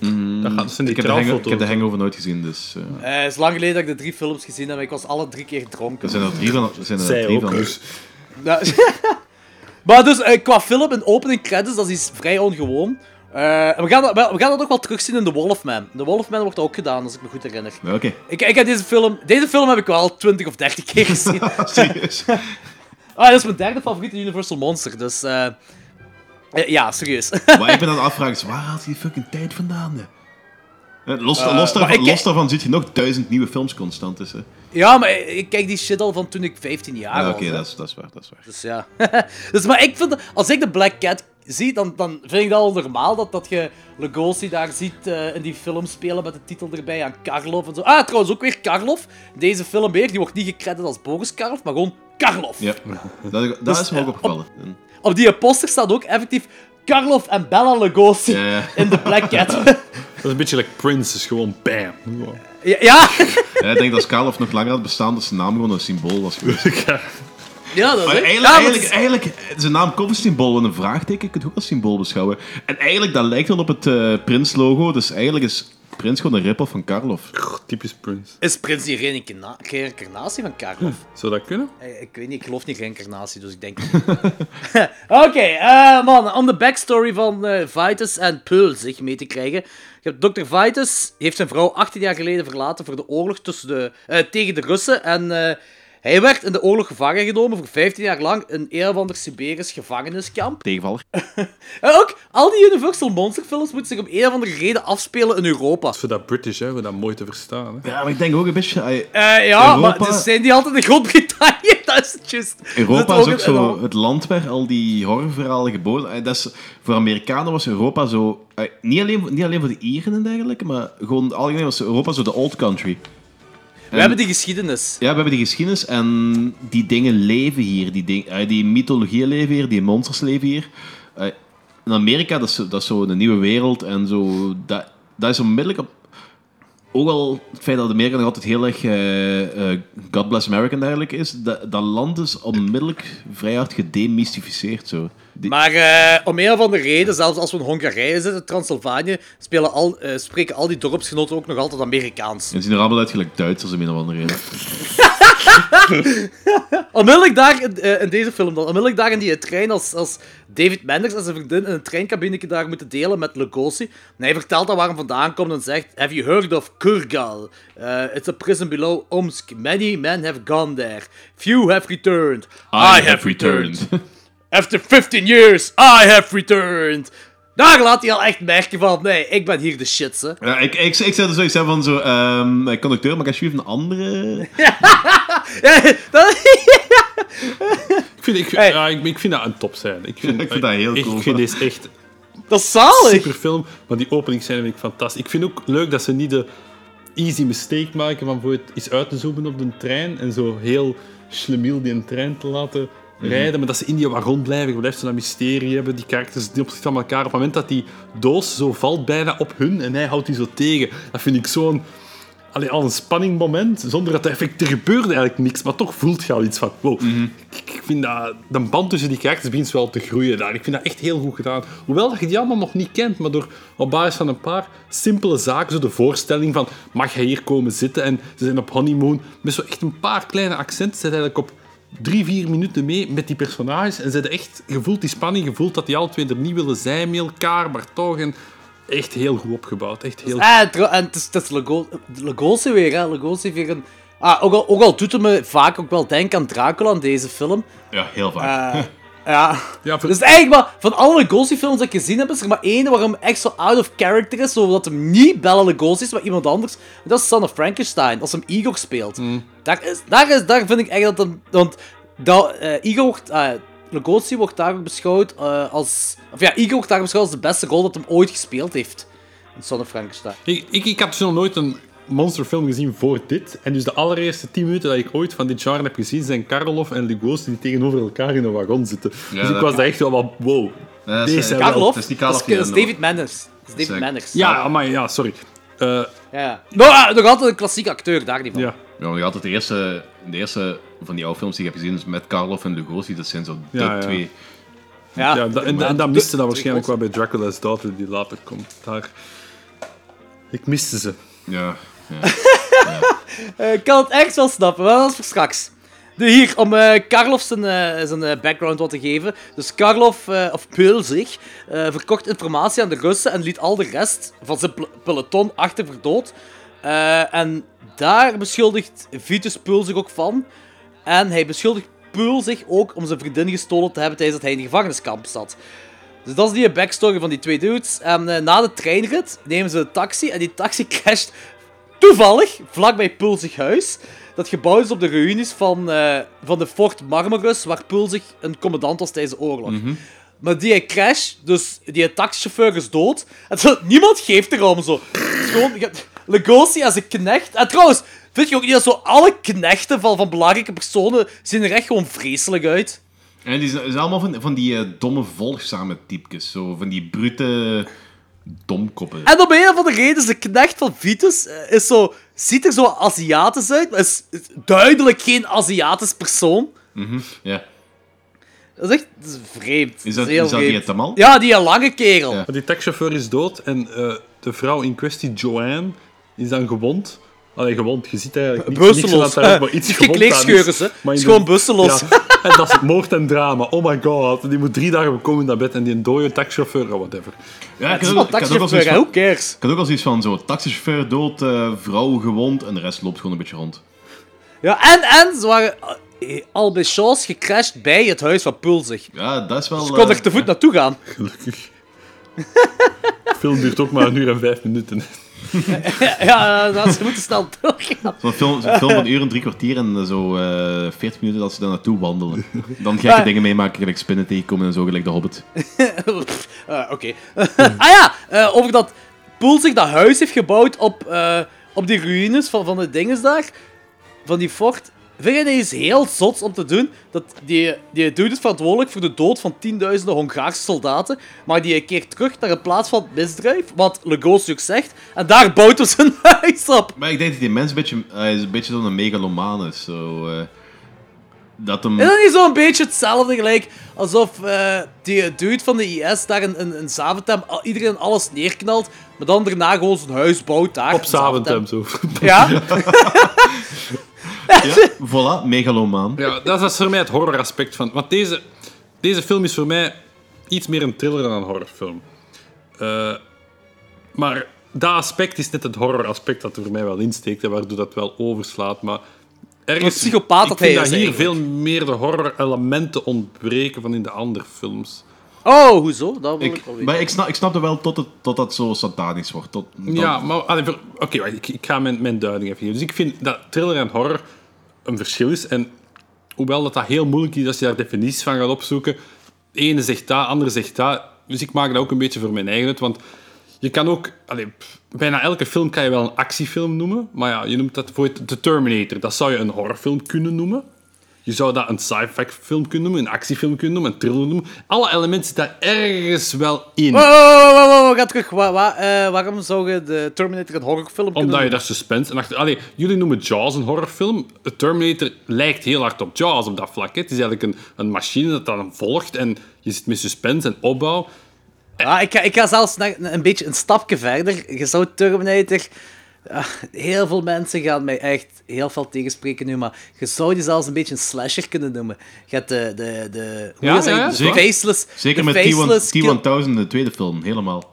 Ja, dat is waar. Je hebt de faceless killer dat eh, eh, de hele tijd blijft volgen. Ja? eh, Michael even weer Myers-achtig afmaakt. gevoel. dat je daar Ja, om dan, bij, om dan bij je final girl te, geraken. Ja, is waar. Maar dus, allee, voor mij, het verschil tussen thriller en horror... Ik heb daar eigenlijk drie lijnen dat ik daar eigenlijk altijd heb. Eén, ik vind een thriller is een film waarbij dat je op het puntje van je stoel zit, omdat de thrill, de spanning, je wil weten wat er gebeurt. Je wilt het verhaal volgen, het mysterie, geboeid, je, je wilt volgen. En bij een horror heb ik vaak, maar laat me uitspreken, misschien ga je niet akkoord, wat je welkom tot bent, maar bij een horrorfilm heb ik meer dat je je hand voor je ogen bijna houdt, omdat, wow, het beklijvend is. De horror is er effectief. Je hebt minder van... Oké, ik wil weten wat er nu gaat gebeuren, maar je hebt meer... Oh nee, dit gaat gebeuren. Ik ben bijna bang van wat er gaat komen. Dat is voor mij één splitsing. Twee, ik heb in een thriller meer het gevoel dat altijd het hoofdkarakter of de hoofdlijn de good guys zijn die gevolgd worden. En bij een horrorfilm is eigenlijk de hoofdlijn de bad guy. Laat me, uitspreken, laat me uitleggen. Bijvoorbeeld bij, bij Seven vind ik een thriller, omdat je de politie volgt in hun jacht op een crimineel. Met Halloween vind ik een horrorfilm, want eigenlijk je volgt Jamie Lee Curtis, maar eigenlijk volg je Michael Myers. Eigenlijk is hij de drijvende kracht in die film. En bij een horrorfilm vind ik dat de drijvende kracht meer de slechterik is, eh, de evolutie of, het, het personage. En bij een thriller meer de evolutie van, van de goede karakters. En dan ten derde vind ik dat in een thriller ook een verhaal meer twists heeft en minder voorspelbaar is. En dat je effectief naar een reveal gaat of een plot twist op het einde. En dan horrorfilm vaker rechtlijnig is. En dat je meer plotholes ook hebt die dan, goh ja, je niet echt moet verklaren, want het, het past binnen het horrorgenre. Michael Myers, waarom kan hij niet dood? Of hier, waarom bouwt hij dat ding waar hij al die Hongaren heeft doodgedaan? Goh ja, in het horrording gebeuren nu eenmaal zo'n dingen. Dat zijn zo de drie dingen waar, waar Ja. ik het verschil wat in duid. Ik kan u ergens wel een volgen, maar je, hebt, je bent compleet mis. nee, nee, nee, kijk, ik, Nee, nee, nee, ik ik niet compleet mis. Nee, nee, helemaal niet. Ik, ik vind dat een heel, ik vind dat een heel mooie uitleg dat je geeft. Maar we gaan, we gaan ooit eens een aflevering doen en we gaan u uitnodigen daarvoor, Thomas, over thriller en horror. En vooral de films die zo de grens afgaan. ja. Zo. Ja, de- vooral die films gaan we eens afgaan. Was nu echt thriller en was horror? Dat gaan we wel eens doen. Deze is voor mij op en top een horrorfilm, eh, The Black Cat. Eh, je zit er al met, ja, wat jij nu ook zei, van die kerel dat eigenlijk tienduizenden mensen vermoordt en dan terugkijkt naar die plaats en dan eh, daar zijn huis bouwt. Dan heb ik nog het feit dat hij ehm, zijn, de vrouw van zijn collega vermoord heeft. Bewaar ah, hij zegt dat longontsteking is gestorven, maar die, is- die is gewoon vermoord. Die bewaart... Die, be- die verzameling van dode vrouwen in zijn kelder. Ja, maar... Dat is toch op een top horror? Ik weet niet. Nee, ik vind horror meer... Ja, nee, ik vind dat niet. Ik vind dat dat meer naar thriller neigt, zo'n dingen. Maar ja, dat, is een persoonlijke invulling. Oh ja. Ja, ja oké, dat, kan, dat kan wel zijn. Iets persoon- Voor mij is het pure horror. Dat eh, al- als ik een kerel ontmoet die eh, tienduizenden mensen heeft vermoord en dan een verzameling van dode vrouwen in zijn kelder heeft. En dan nog neukt met zijn eigen stiefdochter. Want dat doet hem ook. Hij, heeft, hij, hij, hij, hij zit, samen, hij zit samen in bed met, met de dochter van Bella Lugosi. maar eh, dat is de dochter van de vrouw dat hij heeft afgepakt van Bella Lugosi. Dus dat is zijn stiefdochter. Ja, dat lijkt me eerder de plot van een van de mooie medogelos eigenlijk. Ik vind, ik In het wel ieder geval, fel, in ieder geval ik, kan, ik kan wel... Ik moet al zeggen, ik kan wel vinden in Thomas' zijn, eh, omschrijving. Maar ik denk dat ik hier gewoon op een gegeven moment op een punt ben gekomen dat ik niet zo, meer zo echt distancieer tussen de meeste thrillers en horrors. En dat dat zo... Voor mij vloeit een beetje in elkaar over. En Ja, ik vind er ook geen probleem mee. Dat, dat, Zo- dat thriller of een horror Ja. is, dat gaat mij ook niet per se afschrikken. En uiteindelijk, het is, het is een label. Hè. Je plakt labels op alles tegenwoordig en alles. Maar het is heel moeilijk om iets in één ding... Veel dingen overlappen ook. Hè. Ja, een thriller en horrorfilm, of een science fiction en een actiefilm. Of een comedie en een horrorfilm. Allee, Cabin in the Woods, dat is een horrorfilm. Dat is een comedie. Voor alle twee zijn heel veel punten te maken. Het is eigenlijk gewoon alle twee. Ik denk dat thriller en horror ook heel vaak overlappen en de twee zijn. Maar ik vind dat er bepaalde pure horrorfilms... Voor mij zijn die meer thrillers soms. En voor mij zijn er... ja, dat is- Maar ik denk dat die overlapping... Ja, dat- maar jij dat- vond Alien ook een thriller, hè? Eh, de eerste, ja, ik... Goh, de, de eerste is wat moeilijker, maar opnieuw, je, volgt eigenlijk meer Sigourney Weaver in haar karakterontwikkeling, hoe dat ze eigenlijk haar dingen volgt. En ik vind dat je dan meer vaak met trill speelt, omdat je... Maar er zitten ook heel veel horror-elementen. Dat, dat is een mix van de twee. Maar ik vind voor het... Ja, Silent of the Lambs is daar ook een voor. Dat is ook een, een mix van de twee. Dat is een thriller, maar hij heeft ook horror-elementen voor mij. Omdat je hebt daar eigenlijk de evolutie van Jodie Foster, die, die, dat, dat, dat vind ik dan meer de thrill. Die wil weten hoe het in elkaar steekt. En je volgt haar in haar zoektocht. Maar je hebt dan anderzijds het mysterieuze van de bad guy. Dat is dan het horror-element voor mij dat erin zit. Dat snap ik. Maar dat, dat is het, het schoolvoorbeeld van Hollywood dat dat geen horror wou noemen omwille van... eh, om dan de Oscars te kunnen winnen. Hè. Dus ze hebben ze alle is- vijf gewonnen, dus ze hebben het goed gedaan. Ja, ja, tuurlijk, maar het is gewoon Hollywood die zoiets had van... Horror was dood in de jaren 90, was compleet uitgestorven. En zei van, we gaan nu geen horrorfilm meer maken, we gaan nergens meer het plaatje horror op labelen, want dat verkoopt niet. Dus we noemen dit een thriller. Want dit is, dit is eh, perfect iets wat je hebt van de psychologische horrorfilms uit de jaren 80 en uit de jaren 70 zelfs. Daar is eh, het ding van, van dingen uitgekomen. Kijk, Manhunter, wat dus, ja... Eigenlijk was het de prequel op Silence of the Lambs, zo gezegd. Ja, dat is eigenlijk Red Dragon, hè. Ja, inderdaad. Ja. Dat, is, dat, dat, is, dat is de horrorfilm van, eh, ik weet niet, is van de jaren 70 denk ik zelfs. Nee, Dat slaat was van Michael. Mann van jaren 80 gezien. Dat is, die is Ah, van- toch jaren 80? Ja, is van de dat was een 80. horrorfilm in ieder geval op dat, op dat moment. En dan heb je Silence of the Lambs, wat ja, eigenlijk nog horrificer is. Wordt dan thriller genoemd. maar eigenlijk hoort dat onder psychologische zorg. Ah, dat is zo'n dunne lijn om over te gaan. Ja, het zijn allemaal labels. Het zijn allemaal labels, Ja, maar... we gaan het er een andere keer over hebben. Eh, nu gaan we terug naar Boris Karloff. En dat is gewoon om aan te tonen wat voor een fenomenale acteur Boris Karloff is. En bij, bij rewatch valt dat vooral op dat... eh, je, dus je hebt die, die scène dat Vitus beschuldigt Pul zich van het vermoorden van die tienduizenden mensen en dat hij zijn vrouw heeft ge- gestolen, bla bla bla. En dan zegt Vitus ook, where is she? En Pul zich zegt, you're mad. Dan komt eh, Pieter, eh, ah, Pieter komt daar binnen en je merkt dat er zo een veten is tussen Vitus en Pulzig, maar je merkt ook vooral aan het gezicht van Karloff dat Pulzig. Die, trekt echt zo, die heeft zo'n gezicht, die volgt zo de conversatie tussen Pieter en Vitus, maar die, zijn gezicht trekt echt zo van: Fuck, ik ben betrapt. Vitus heeft mij door, ik ben betrapt. Je ziet dat aan zijn kop en daar wordt ook op gefocust op zijn gezicht. En dat zijn, dat had ik, de eerste keer ik die film zag, had ik dat helemaal niet door. Want toen wist ik ook niet dat, dat Karloff dat die effectief die, die dingen allemaal gedaan heeft, wat, wat Lugosi zegt. Maar bij rewatch valt dat heel fel op. Ja, en dan loopt die Peter Ellison, allee, het karakter, gespeeld door David Manners, die loopt eigenlijk zo'n beetje tussen in de weg, in a way. Die komt dan altijd vragen, en wil je nog iets drinken? Ja, ik wil nog wel een... Heb je whisky? Pak die whisky, drink daar geen enkele keer van. I'm going to bed now. Die loopt eigenlijk En gewoon als- maar te storen. Dat is geweldig. En als hij daar in bed zit en, en Karloff komt daar binnen. Oh, we have something to settle, fighters. dat is geweldig grappig. En David Muis wordt er wakker. Huh? En dan Ah, I en should dan- have gone to Niagara Falls. En dan plots verschijnt die Vitus in die deur. dat is. Dat is perfect. Ja, ik heb ook tegen Sofie gezegd van die kerel die... die dat, is zo, dat is zo de gast. eh, In de mummy was ook een beetje, maar hier is het nog veel feller. Dat is de gast die gewoon ter plekke is, die totaal van geen kwaad bewust is en gewoon zo'n beetje rondloopt. Ja? En er gebeurt van alles hè. om hem heen en zo. Uiteindelijk is hem dan zowel in, die, in dat plot eh, verwerkt. en dergelijke, Maar oh, het grote van die film loopt hij gewoon een beetje rond, totaal van geen kwaad bewust. Die doet maar iets en dan zo... Terwijl er van alles rondomheen gebeurt. Zo completely Dat is, gewoon, dat, is, dat, is wat, dat is de comic relief dat je nodig hebt. Hè. Dat, is- dat is de comic relief van, van, eh, eh, van de film. Ja, en Dat uiteindelijk past het dan perfect dat dat de loser is dat op het einde nog de, de, de good guy neerschiet bijna. ja! Oh. Ja, eigenlijk dus. Als die film niet zou uitkomen, zou die rol gespeeld worden door Zach Galifianakis. denk ik gewoon. Dat zou Ja, ja, dat zou wel eens goed kunnen, ja. Eh, over die dode vrouwen, die collectie dode vrouwen. De collectie door je vrouwen. Live goals. Toen de studio vroeg om deze film te verzachten... want Deze, deze film was veel te luguber voor, voor eh, Universal Studios. En eh, de studio vroeg om die film te verzachten. En Edgar Ulmer heeft juist het tegenovergestelde gedaan. Dus die is dan, nadat de film helemaal was opgenomen... en eh, de eerste montage gedaan was... heeft hij dan gewoon meer groteske scenes toegevoegd. Waaronder dan die beruchte scène waar Karloff zijn dode vrouwen laat zien. Ah, vooral aan ons, aan de kijker. Ja. Zojuist voorleer eh hij Pieters kamer binnengaat en dat hem, ai, dat hem dacht dat Fighters daar lag. Dus die scène daar, dat heeft hem gewoon nog bijgefilmd. Gewoon omdat hij de film nog grotesker wou maken en de studio vroeg om die minder grotesk te maken. Dat is wel gaaf.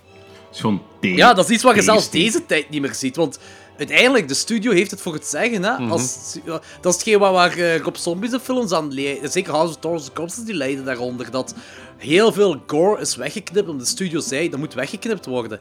En die kerel heeft echt gewoon het tegenovergestelde gedaan. Dat is heel zot. Maar ja, anderzijds, eh, het is niet omdat er op zombie vlees en kan doen, 21, dat het daardoor wel beter is. Nee, dat nu niet. Maar als je film gelijk House of Thousand Corpses maakt, een, een Texas Chainsaw Massacre film eigenlijk, Ja. en het draait vooral om het groteske, om de goreheid, Mhm. maar 90% wordt ervan weggeknipt, dan...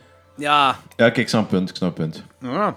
Eh, en wat ik me afvraag is, die heeft die vrouwen daar allemaal in die... Hoe bewaart hij die? Hoe kan een, een vrouw van 18 jaar nog altijd zo mooi eruit zien? Ah, een dood lijk dan Wordt er eigenlijk. niet naar verwezen dat die zo eh gebalsemd zijn? Of? Nee, dat, daar heb ik nooit op gemerkt. Nu heb ik er zelfs naar gezocht en ik heb niet gemerkt dat het iemand dat zei. Ik weet niet. Gewoon, Of, of, of, of, je hebt of zo- ben ik dat van verwarren met eh, zo die eindscènes Met van de mu- mummie. Van de mummie? Nee, dat is het horror-element, het onverklaarbare. In horrorfilms mag dat. Ja. Ik, heb, ik heb zelfs op het begin, op, toen dat ik die scène eerst zag, dacht ik zo van, oh, misschien zijn die helemaal niet dood. Zijn die zo in een of andere eh, staat van ehm, prolonged, eh, weet ik veel wat. Comateuze staat, zoiets. Zo. Ja, of zoiets, ik weet het niet. Maar ja, Ja. uiteindelijk Nee, liggen ze zijn gewoon dood. Ze zijn gewoon dood. En ze zien er, eh, die griet ziet er nog altijd heel neukbaar uit. Dus dat is echt... Nou, zou je Ja. daar nog iets mee doen? Ja, da- dat is geen wat ik me ook afvroeg. Van, zo, zo, ai, bewaart hij dat puur visueel of ehm, zo? Eh, ik denk dat hij dat puur visueel bewaart, want hij heeft nog altijd de dochter, dat eigenlijk de jongere versie is van die griet om, om te neuken. Dus. Ja, maar nog altijd, die, heeft- die bewaart je toch maar zo. zo een beetje wink, wink, nudge, nudge. eh. Zou hij een necrofiel zijn? Dat zou het nog wel zotter maken eigenlijk. dat, is, dat is iets om over na te Ik denken. hoop het! Ik hoop dat Carlo een necrofiel Ja, maar is. ik wil er niet aan denken, want dan moet ik weer denken dat daar ook die kat rondloopt en dat vind ik dan weer jammer. Dus... Ja, dat is zo... zo dus, Maar de kat mag geen necrofilie zien. Nee, maar misschien ga je met die kat en zo. Nee, dat vind ik Het is niet. al awkward als je seks hebt dus met, een, met een lijk. Het is nog meer awkward als je seks hebt met een lijk terwijl een kat aan het kijken is. Ah, ah, dat is gelijk eh, die pornofilm van FC de Kampioenen, de kapoentjes. Ah, dat is een papa Jezus bent. Christus, echt. hè. Heb je dat nooit gezien? Dat is echt super grappig. Ey. Dus je hebt klitoortjes dat gaat neuken en op een bepaald moment... ja. En op een bepaald moment wordt er zo gewoon naar een random kat... De camera die wijkt gewoon af naar een random kat. Zo, echt zo voor niks. Dat is super grappig. Je hebt dat echt gezien of wat? Hij zat daar dan met zijn spel in zijn hand en naar die katten kijken. Hey, Dat me, dat me eigenlijk denken... Wat sorry, Danny? eh, gaan we een podcast beginnen die gewoon pornofilms eh, bespreekt? Dude, dat, dat denk ik al zo lang. Dat gewoon zo elke keer pornofilms bespreken. Maar echt Ja, zo hebben- helemaal zo uitdokter ook zo. We hebben daar ook over gedacht bij zaal 4 van Darkroom 4 te doen. Eh, Oh, dat doen. dat zou cool zijn, maar zo eh, een one-off aflevering of... Ja, want Niels was daar heel enthousiast over. Ja, we, hebben, we hebben het al gezegd, ehm, toen we langs bij Captain Catastrophe zaten, dat we eens een keer een aflevering gingen maken over zo van die eh porno-horror eh, Porno en chic. toestanden. Gaan we eindelijk Serbian film kijken? Ja, We gaan, we gaan die ooit dus doen in ja, de maar dan, podcast. dan, noem ik, dan noem ik geen porno-horrorfilm. Ja, van- gelijk van die chat, van, van die eh, Jesus Franco-toestanden en zo. Ja, we, we gaan er ooit eens een aflevering over doen. ja. Maar nu terug naar eh, de Black Cat. The Black Cat. Dus je hebt dus al die dingen, al die horrific shit van wat Karlov allemaal doet, dat, dat, met die eh, vrouwen allemaal en zo. En daarbovenop heb je dan ook nog eens satanisme wat erbij komt. Dus Pulzig begint daar uit een boek genaamd The Rise of Lucifer te lezen. En die wil een sata- satanistisch ritu- ritueel houden en tijdens de Dark of the Moon Joanne kunnen offeren. Eh Vitus wil daar een stokje voor steken. En eh Pulzig daagt hem dan uit voor een spel schaak. En wie wint? Wint Joanne. Van, eh, weet je, dat is de jaren 30, zo werden die dingen opgelost toen, hè. Hoe zou dat nu opgelost worden, Jordi? Stel nu, 2017. een poll maken op Facebook en wie de meeste likes heeft wint. Ja, want iedereen weet dat eh, likes wel heel goede reden, manieren zijn om eh, shit op te lossen. Hè? Ja. Eh, dus helemaal op het begin, als Fighters Weten gaat samen met eh, Peter en eh, de busloze Joan komt aankloppen, zegt Fighters, Pulsig is, accepting, eh, is expecting me. Maar, wat denk je nu, zou Pulsig hem echt verwachten? Ehm, want die zit zo in heel dat satanisme en zo. Of zou dat gewoon toeval zijn? Want je hebt zo dat David Manners, die wil dan eh, met de auto weggaan. De auto is kapot. De telefoon eh, met iemand bellen en de tefo- telefoon werkt niet. Dat is precies alsof alles al op voorhand gepland was door Boris Karloff. Eh, Oh, de ik denk dat... telefoon werkt niet of de auto werkt niet omdat je zegt dat hij niet werkt. hè. Je merkt nooit dat dat effectief het geval is. Hè. Jawel, jawel. David Manners is effectief... eh, Oké, met de auto nu... Ja, de auto ding niet, is... hè. De, auto de was telefoon die, wel. dat hulpje, hè. Oh, Dat maar ja, hulpje... maar ja. Het was zijn knecht, oké. Maar de telefoon wel, hè. Ja, de telefoon is ding uitchecken. uittrekken. Hè. Allee. Maar het, het- Ja, maar het- dat zal, dat zal hem wel gemerkt hebben, dan denk ik, Ja, als maar het uitgetrokken Het moet dan niet per se lang voorhand gepland zijn, maar ehm eh, Pulsig had eh, zijn zinnen dan op, eh op zijn vrouw gezet. En pff, ja, het is heel snel gesaboteerd. Hè. Want ook al verwacht.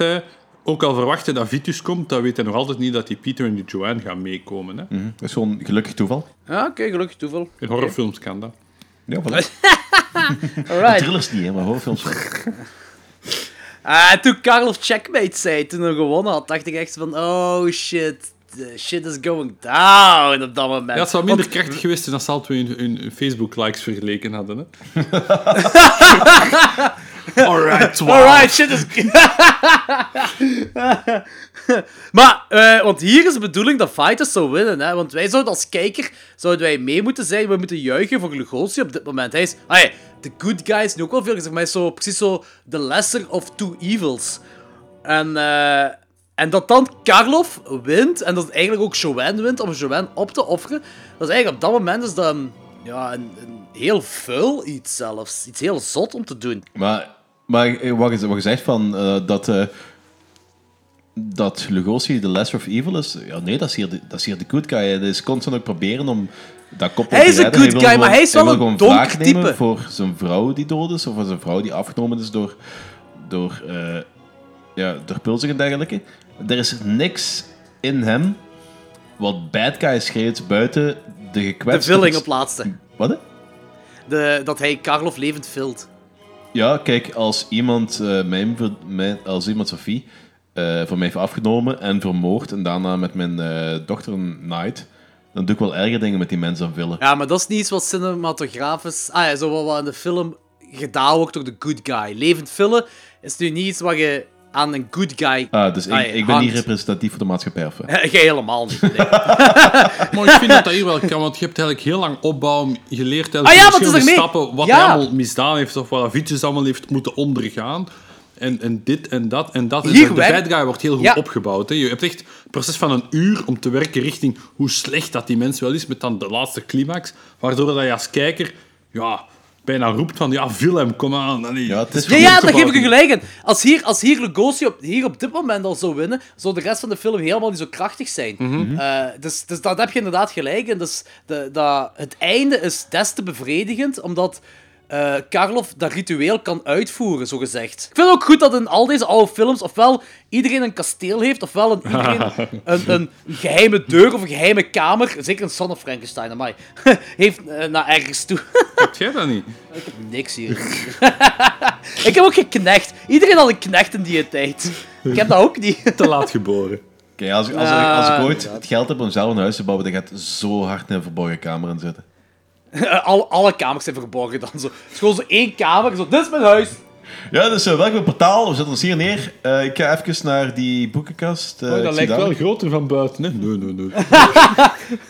Illusies. Ja, maar ik heb de mensen, ik heb de mensen gezien. Oh, Mark. eh, als Boris Karloff die Latijnse woorden zegt tijdens die Black Mass, dat is... Ik, ik, je moet dat eens opzoeken. Dat is gewoon een bunch of mumbo-jumbo, hè. Dat, dat zijn gewoon een paar Latijnse eh, zinnen tegen elkaar zeggen. Dat dat niks klopt. Ik, ik heb de, wilt je vertaling weten? Ja, alsjeblieft. Luister, hè. Met een zoutkorrel. Een dappere man kan vallen, maar hij kan niet opleveren. Vergissen is menselijk. De wolf kan zijn huid veranderen, maar niet zijn natuur. Waarheid is machtig en zal overwinnen. Externe acties tonen interne geheimen. Vergeet niet wanneer het pad van het leven steil is om je gedachten zelfs te houden. Het verlies dat niet bekend is, is helemaal geen verlies. Zware donder. Met een korrel zout, een dappere man kan vallen, maar hij kan niet opleveren. Met fruit, niet met bladeren. Beoordeel een boom. Elke mevrouw denkt dat iedereen boos is. Wie zich bekeert van het zondige is bijna onschuldig.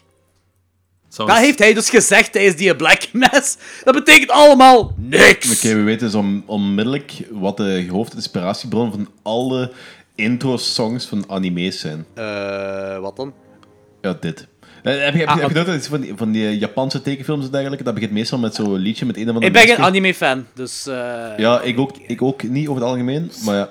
Je, als, je hebt dat sowieso al een paar keer Zijt je nu gewoon zeggen dat een, een Aziatische taal gewoon een hoop mambo-jumbo is? Heb je, heb je nooit die intro-songs van zo'n willekeurige eh, Japanse tekenfilm gezien? De, eh, dat gaat echt nergens over. Ja, Dat is Pokémon, een gotta film over catch een, of- em bijvoorbeeld, eh, de all. film van die Ghibli-toestanden, bijvoorbeeld een film over een of andere eh, eh, een meisje dat een heks is.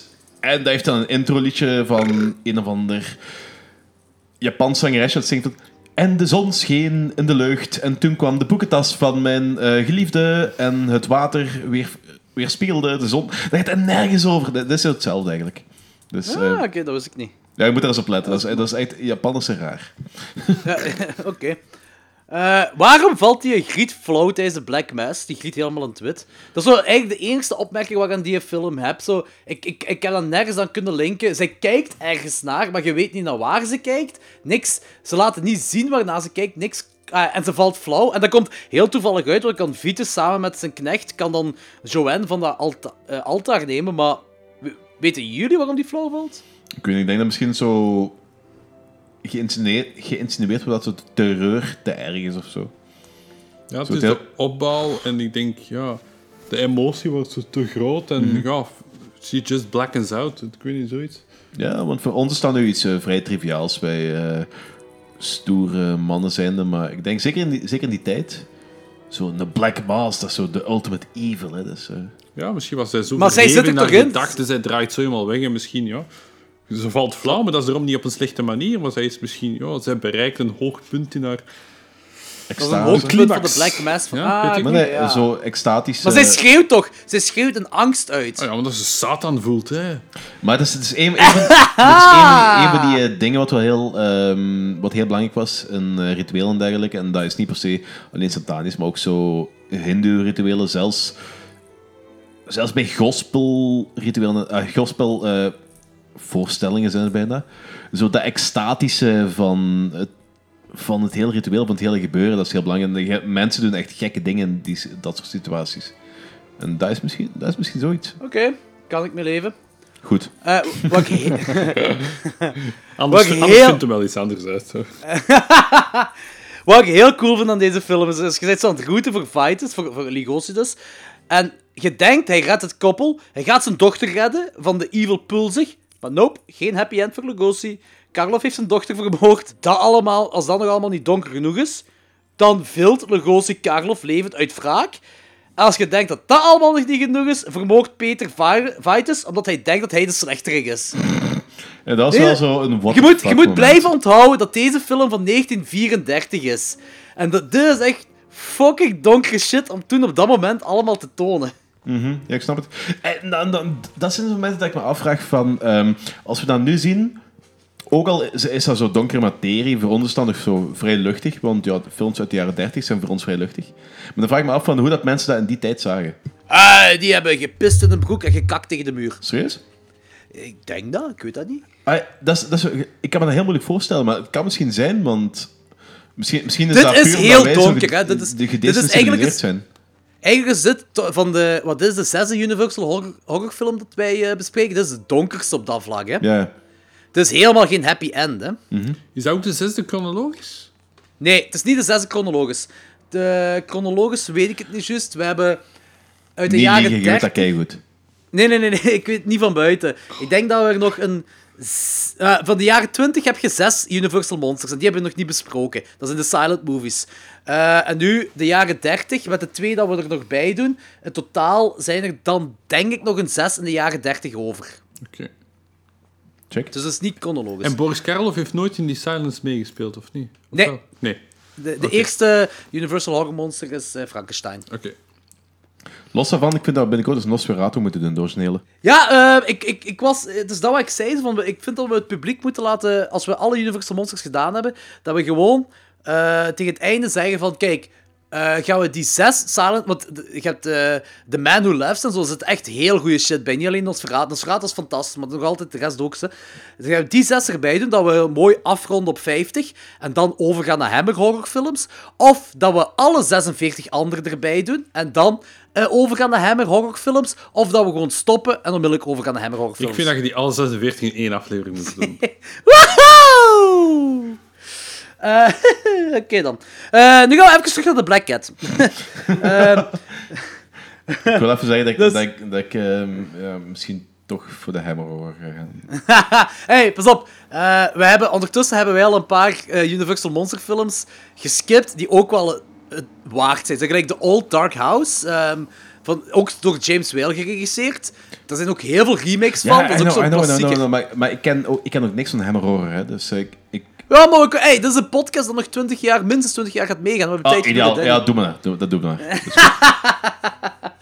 Oké, eh, terug op Vitus terug te komen. eh, want dat is een heel donker einde, bla, bla, maar door, doordat hij het koppel laat ontsnappen en het huis van Pulzig en heel de cult erbij te laten ontploffen, is Vitus Wedergast op een heel donkere manier nog altijd een beetje de held van het verhaal, hè? Ja, maar dat is, dat is in mijn ogen is altijd een beetje de held geweest. Maar jij, ja, eh, jij vindt Satan ook een held, dus... Ja, ik- allee.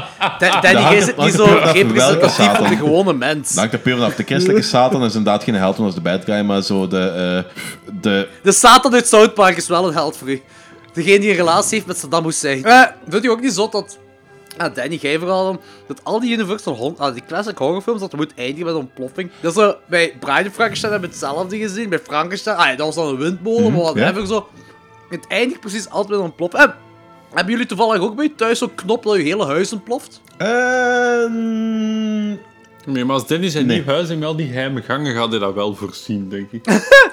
Nee, ik ga, waarsch- ik iets ga waarschijnlijk zoiets hebben wat, ehm, als ik een knop duw, dat er zo'n gas over het hele huis. Dat elke inbreker onmiddellijk eh, in slaap valt. Alright. Dat is toch iets zot om in je huis te hebben, dat, is, dat als Pul zich daar dat huis heeft gebouwd op die ruïne, dat is zoiets zat van, ofwel was die knop er allemaal zo laten ploffen, en dat is iets van, alright, deze hou ik. Ofwel heeft het echt in geïnstalleerd, dus dat, dat Ja. is iets van... Maar wat dat, dat is wat hem toch had gezegd. Dat is eh, een van de overblijfselen van de oorlog. En dat, eh, dat was een raketlanceer... Of een, of een kanonlanceerbasis of zoiets. Dus al dat al dynamiet wat er lag, dat lag er toch al.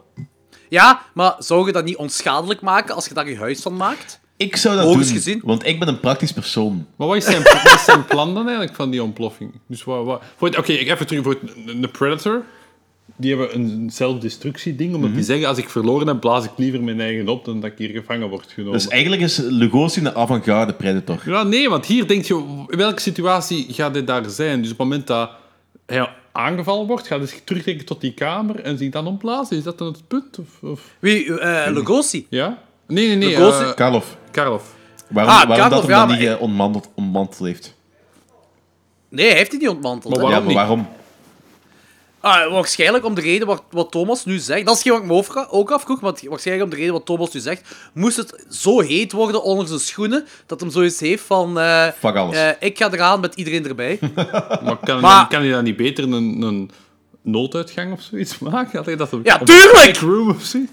Tuurlijk, maar ik denk als je zoveel jaren met satanisme bezig bent, dat je hersenen niet meer te goed werken. Hè? Ja, jawel. Met Danny, met Danny, Danny gaat dat steeds beter. Hè? Eh, hey, Thomas, je moet zoiets in Danny's kelder kijken. Als je een paar vrouwen ziet, dan weet je hoe ver het is. Mijn kelder staat vol met eh rekken en fietsen. Kelder, ik zit hier maar in één kamer, al de rest is hier geheim. Hè? Ah ja, we dat is zitten hier in het voorportaal momenteel. Danny Pulzig. Eh, hey, wat denken jullie? Op laatste zitten Peter en Joanne in de trein en dan leest hij een review van zijn eigen mystery, wat dat hem geschreven heeft, zijn eigen roman. En ze zeggen dat het wel... Ah, de critics zeggen dan dat, het, dat zijn roman wel goed is, maar ongeloofwaardig. Is de mop nu dat alles wat hij ge- meegemaakt heeft, dat dat zogezegd ongeloofwaardig is? Of heeft, heeft heel die film niet afgespeeld en is dat gewoon het verhaal van eh, David Manners, van Peter? Ja, ik denk dat omdat hem een mystery schrijver was, dat hem zo gewoon dat verhaal in boekvorm heeft gegoten en dat heeft uitgebracht. En ik denk dat er waarschijnlijk wel gebeurd zal zijn, maar dat dat gewoon zo... Ik denk ook, ik, denk, eh, ik heb het altijd zo genomen dat dat de, de mop is, quote-unquote de mop, is dat eh, hij al die shit met Joanne heeft meegemaakt, want die kijken ook zo naar elkaar van, als hij zegt van, dat is ongeloofwaardig, goed geschreven, maar ongeloofwaardig, kijken ze ook naar elkaar van, ongeloofwaardig. Dus volgens mij hebben ze het wel meegemaakt. Ja, En heeft sowieso. hij dat geschreven. Ja. Ik vind dat super krachtig weer opnieuw extra layer dat er op het einde wordt toegevoegd. Dat nu in veel films, oké, we hebben het al eens gezien. Maar toen was dat echt, je spreekt jaren 30, dat was echt nog een leuk extraatje. Want het moeilijkste aan een film is je einde. Hè. Je moet echt goed eindigen, je moet je publiek achterlaten met iets dat ze zeggen, oké, ik ben hier voldaan. Een van de mooiste voorbeelden vind ik Cabin in the Woods. Prachtig einde, gewoon bam. Maar hier, eh, ja, hoe, hoe. Het is niet eens nodig, maar toch voegt dat nog iets extra toe aan die film. En het feit dat je er nu over discussieert en dat je een andere mening kunt hebben, vind ik extra leuk aan een film. Dat effectief... Film is gedaan, credits beginnen en je kunt met de mensen naast je beginnen praten. Hoe interpreteert jij dat? Vind ik geweldig als een film dat kan. Dus ik vind dat een, sterk pluspunt. Ja, ah, ik je gelijk, Thomas. Ik je gelijk. Overgaan naar ratings. Oké, eh, ik heb al gezegd, dit is mijn eh, derde favoriete Universal Hon- Eh, Boris Karloff als satanistische priester is geniaal. Je hebt Boris Karloff en Bela Lugosi, de twee horror-iconen in één film voor de allereerste keer. Dus de film is super donker, ver voor op zijn tijd. De cinematografie en het decor is briljant, daar hebben we het nog niet over gehad. Dat huis van Karloff, dat interieur, dat, is, dat ziet er super zalig uit. Zo, eh, precies of dat niet van, van de realiteit is. Zo, zo. De eigenlijk- soundtrack... Ik vind eigenlijk dat huis, ziet er... Sorry dat ik onderbreek, maar dat huis ziet er eigenlijk een beetje uit alsof er een of andere postmodernist in de jaren 70 gemaakt is. Ja, ik heb opgezocht en dat heeft zo met die, eh, blijkbaar met die Art Deco eh dingen te maken. Dat is heel art deco. En eh, dat zien we later ook terug bij Son of Frankenstein heel fel. hè. Ehm, voor de rest, de soundtrack, dat is een heel nieuw standje geweest voor, voor Universal Monsters. Dat was, eh, muziek was altijd op een laag pitje, altijd op de achtergrond. En zeker als we van de mummy komen, daar is bijna helemaal niks van soundtrack. En eh, hier vind ik hem misschien wel iets wat te veel gedaan. Het is nog altijd niet perfect, maar ik, ah, volgens mij heeft dat gewoon te maken met ze wisten toch niet goed hoe ze met soundtrack moesten omgaan. Dat is heel ongewoon voor een film van 1934 en dit is bijna continu. Hè. Continu heb je hier een soundtrack. Ik vind dat wel leuk. Dat, dat, dat draagt bij mij toe bij het toneel-vibe dat ik bij al die films had. Je voelt bijna alsof het er een live core bij je set aan het spelen is. Ik vond dat... Door de, door de soundtrack? Ja, ik vond dat eigenlijk wel leuk. Zelfs op momenten Ah, dat die minder aanwezig waren, was dat zo heel zachtjes. Dat dat bijna continu bleef. Ik vond dat heel leuk. Dit is echt bijna continu. Zeker als je van de Mummy komt. De Mummy had bijna niks van soundtrack. Want ik, had die gezien, de, de- ik heb die gezien de middag en s'avonds ben ik naar It gaan kijken. En It vind ik ook geweldig in de opening zijn dat hij piano speelt en dat hij dan zo de trap afgaat en dat die moeder bijna beneden piano aan het spelen is. vond ik geweldig leuk. En dan moest ik, ja, hoewel het niet veel met elkaar te maken heeft, toch denken, wauw, dat is wel leuk wat je met muziek eigenlijk echt zo in een film kan doen. Dat je dat- Hey, je hebt gehoord, eh, Black Cat heeft It geïnspireerd. Oké, dan maak ik vind ook heel cool. Ik vind ook heel cool dat Frankensteins monster het Dracula niet speelt op de orgel, juist vooraleer die eh, satanistisch ritueel begint. Dus Karloff die zit daar op die eh, orgel en dat is zo het lied van Dracula waarmee die zo aan gelinkt wordt. Dat vind ik wel een leuke insteek. Voor de royalties, Eh, puur voor de royalties. Ja, ja waarschijnlijk. Ja. Ja, dat was eh, pre-Spotify, de streaming, daar halen ze ook niks van aan. Dus... LP verkopen, booming business. Ja, toen waren er nog van die eh, 86 toeren of zo. Eh, oké. De film was ver voor op zijn tijd voor mij. Ik vind, een heel klas, klassegevoel heb ik bij deze film. Eh, ook zoals die mensen praten, dat is zo... Niemand praat het echt zo, maar dat werkt wel. Dat heb ik zo met die... Ja, die silent movie of de toneel en theater, wat jij zei, Thomas, zal er ook wel mee te maken hebben. Eh, om af te ronden, mijn derde favoriete film, ik geef deze een 9 op 10. Amai, zot. Nee, maar dit is echt wel een 9 op 10 voor mij. Ik, vind, ik vind deze kwa- ja, niet perfect, maar fuck man. Deze, en deze de rewatchability, ik vind, deze kun je ook perfect opzetten wanneer je wilt. Het duurt maar een uur, was een uur en 10 minuten of zo. Ja. Die kun je opzetten wanneer je wilt en hij is zo voorbij en je hebt echt grave shit gezien. Ah, maar, eh, Danny, wat vond jij? Ehm, ik vond een heel cool film. Eh, ik ben... Ik heb dat deel van dat totaal niks met Edgar Allan Poe's verhaal te maken heeft, heb ik heel, heel snel achter me gelaten, dus eh, dat is geen issue voor mij. Eh, ik vond het heel cool om Lugosi en Karloff in dezelfde film te zien, want ik, ik wist eigenlijk zelfs niet dat die elkaars, eh, dat die samen films gespeeld hebben, dus ik dacht dat dat Eh, altijd zo'n beetje zo... totaal, in totaal zijn er acht films dat ze eh, met elkaar spelen. Ah, ja, oké. Niet letterlijk met elkaar spelen, niet op een homoseksuele manier, hè. maar zo... Ja, dat, dat, dat, wist, ik, dat wist ik niet. Dus, eh, dat, ik, was ik zelfs helemaal vergeten dat, dat eh, Lugosi Igor speelt en dergelijke in, in eh, Bride of Frankenstein. Ik Ah, dacht dat hij- dacht dat hij altijd zo'n beetje gewoon die zo concurrentie, zo van ik ben de beste horroracteur, ik ben de beste horroracteur. Ik denk dat het altijd zo, dat die, dat dat zo'n beetje gewerkt had. Maar, dus, ik vond het heel cool om die samen de film te zien en ik vond, zo, ik vond het verhaal cool, ik vond de setting cool, dus zo... En eh, ja, ik vind het altijd zo wel cool als ze zo met... eh, ik, vind, ik vind het altijd heel fijn als ze zo... Zo'n beetje satanische context eraan geven. Ik vind dat... Ja, ik dacht wel dat dat, uw goeie, dat, dat een inst- een goede insteek voor u zou zijn. Ja, dus, Easy eh, win, hè. Ja. Ja, dat- easy win. Dus, en op een gegeven moment, ik had op een gegeven moment ook zo dat idee dat zo, eh, ook omdat Ghost ook zo van die zwart-wit eh, jaren 30 videoclips, eh, in een of andere zwart-wit jaren 30 videoclip heeft. Dat leek zo op een gegeven moment ook alsof die papa emeritus daar op een gegeven moment zo tussenin ging komen met zijn mijter en weet ik veel allemaal, zijn, eh, zijn eh, misfits eh, gimmick make-up. Ja, ja, ja. Dus, eh, ja. nee, dat is cool. 7,5. Nice. Thomas. Ik wil eerst ook een shout-out geven aan de kat. De, het, titelvernoemde Oh ja, de kat. Weinig vernoemd. Speelt op een gegeven moment een scène waarin ze opgenomen wordt door eh Boris, denk je dat het is? Ja? Ja, ja, Ja? ja. ja. En eh, Ja. ik weet niet hoeveel take dat ze gedaan hebben, maar dat beest blijft echt mooi zitten. Hè? Als dat take 12 was, om nog altijd zo mooi opgenomen te worden. Kennen Misschien was dat Karloff's Maar ja, Ja, ik het kan wel goed zijn dat ze 20 katten hebben gebruikt in deze film. Ja, eh, Zijn er eigenlijk katten harmed during the movie? Ik hoop, van, ik hoop van niemand deze... Dan krijgt deze film 1 van mij. Eh, de- Of denk het nul. niet, zo. Denk het niet. Kunnen we 0 geven? Nee, ik, ik was echt... Dit was de eerste dat ik zag, zoals ik al gezegd heb. Het was dus mijn eerste kennismaking met eh, het genre. Ook het, het zwart-wit horror genre, wel in grote lijnen. Ja, ook de eerste keer dat ik Boris Karloff zag, de eerste keer dat ik Lugosi zag. Ah, ik was blown away en ik had hier echt verwachtingen. Ik wist Oh, wauw. Ja, Nice. ju- jullie zeiden mij van, oké, we- wil je, wil je komen naar een podcast? Ja, oké, is goed, er zal wel bier zijn. En dan moet die vier films kijken, oké. En ik begon eraan ik, ik, ik had echt... Ja, lage verwachtingen wil ik niet zeggen. Ik had niet echt verwachtingen, omdat ik, ik wist niet wat ik me moest verwachten. Dat heet dan geen verwachtingen. En dan begon dit en ja, blown away. Ik meen echt daarop mijn vrouw zei, Holy was, ze weer jij aan het kijken? Een zwart-wit wat de fuck gebeurt hier? Die kleedde uit. En ik, ik had er echt op pauze gezet, want voor hetzelfde geld, op het moment dat zij vraagt, wat ben je aan het kijken, laat je de film 10 minuten verder spelen en je begint nu een uitleg te doen. Maar nee, ik had echt pauze, ik ben aan het uitleggen. Allee, zwijg nu of ga nu weg of ga nu zitten. Ik doe het. Holy shit. Allee, gewoon, ik was echt mee, ik vond het Zalig. echt goed. En ik geef dus ook graag eh, een 9 op 10. Ik heb dus ook een, ik vond het echt. Echt goede film. Oh, vet. Thomas, eh, high five, man. Echt, ja, super cool.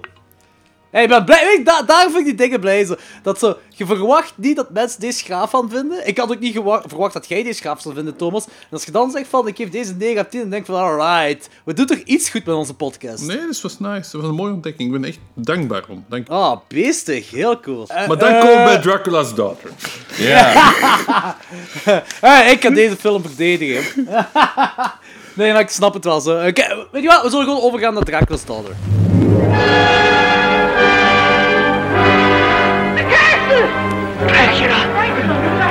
Come back!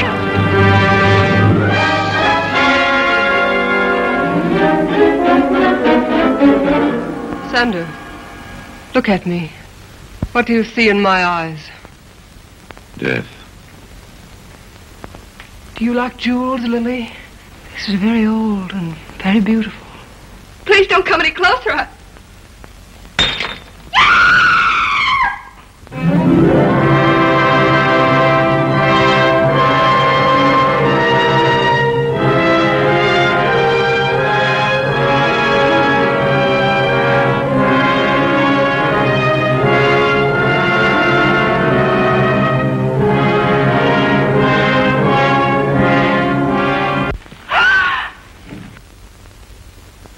pulse is weak, Dr. Goss. Growing weaker. All your skill can't help her now. She's under a spell that can be broken only by me. Or death. I am Dracula's daughter.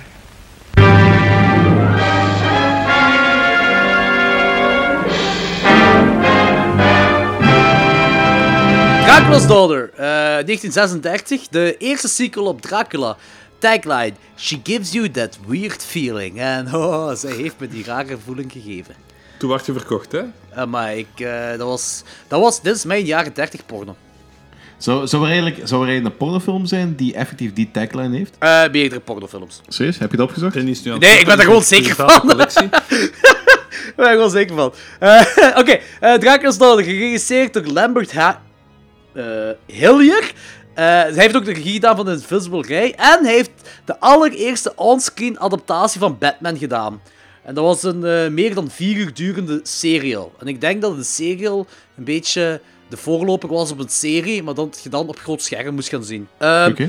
Geschreven door John L. Balderston.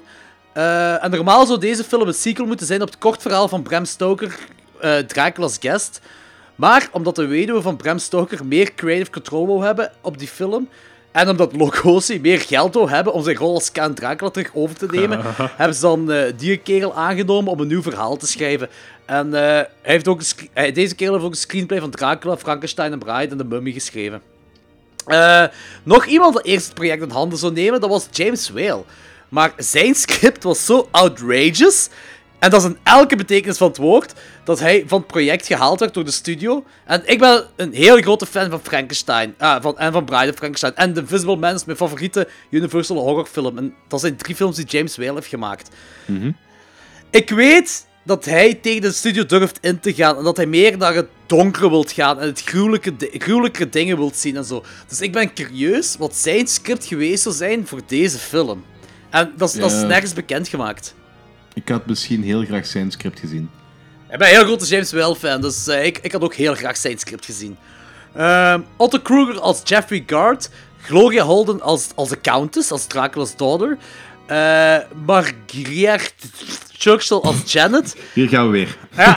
Maar nu hebben we Edward van Sloan, dat is een rol, dat is een, rol terugkeert van eh, professor Van Helsing. Alleen noemde die een Dracula van Helsing. En in deze film noemt hem Von Helsing.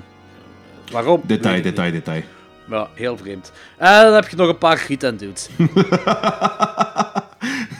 Een paar gieten en dudes. Ja, dat is toch... Ah, dat... prachtig.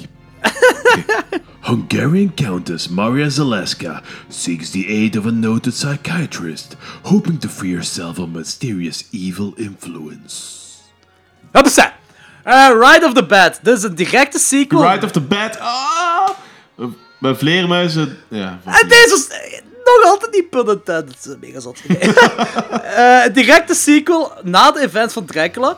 Alhoewel Dracula die speelt zich af in de 19e eeuw en deze film speelt zich effectief in de 1930s neer. Ja, dus- dat is, dat is wat ik er straks tegen Sofie zei, want, ik, want ik heb deze film straks nog eh, gezien en... Oh, ik wist niet dat ze een eh, uit 19e eeuw zaklampjes hadden. Ja, ja, ja, deze speelt zich af in de jaren 30.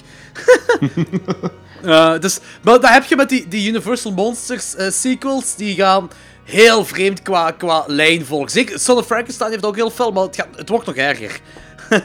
Eh, Oké, zoals ze zei, dit is een spoiler review. Dus eh, op plaats van, van Dracula, van Helsing, vermoogt Dracula. En zo begint deze film. Van, Dracula is vermoord door Van Helsing. Van Helsing heeft eh, zijn hart doorspiest.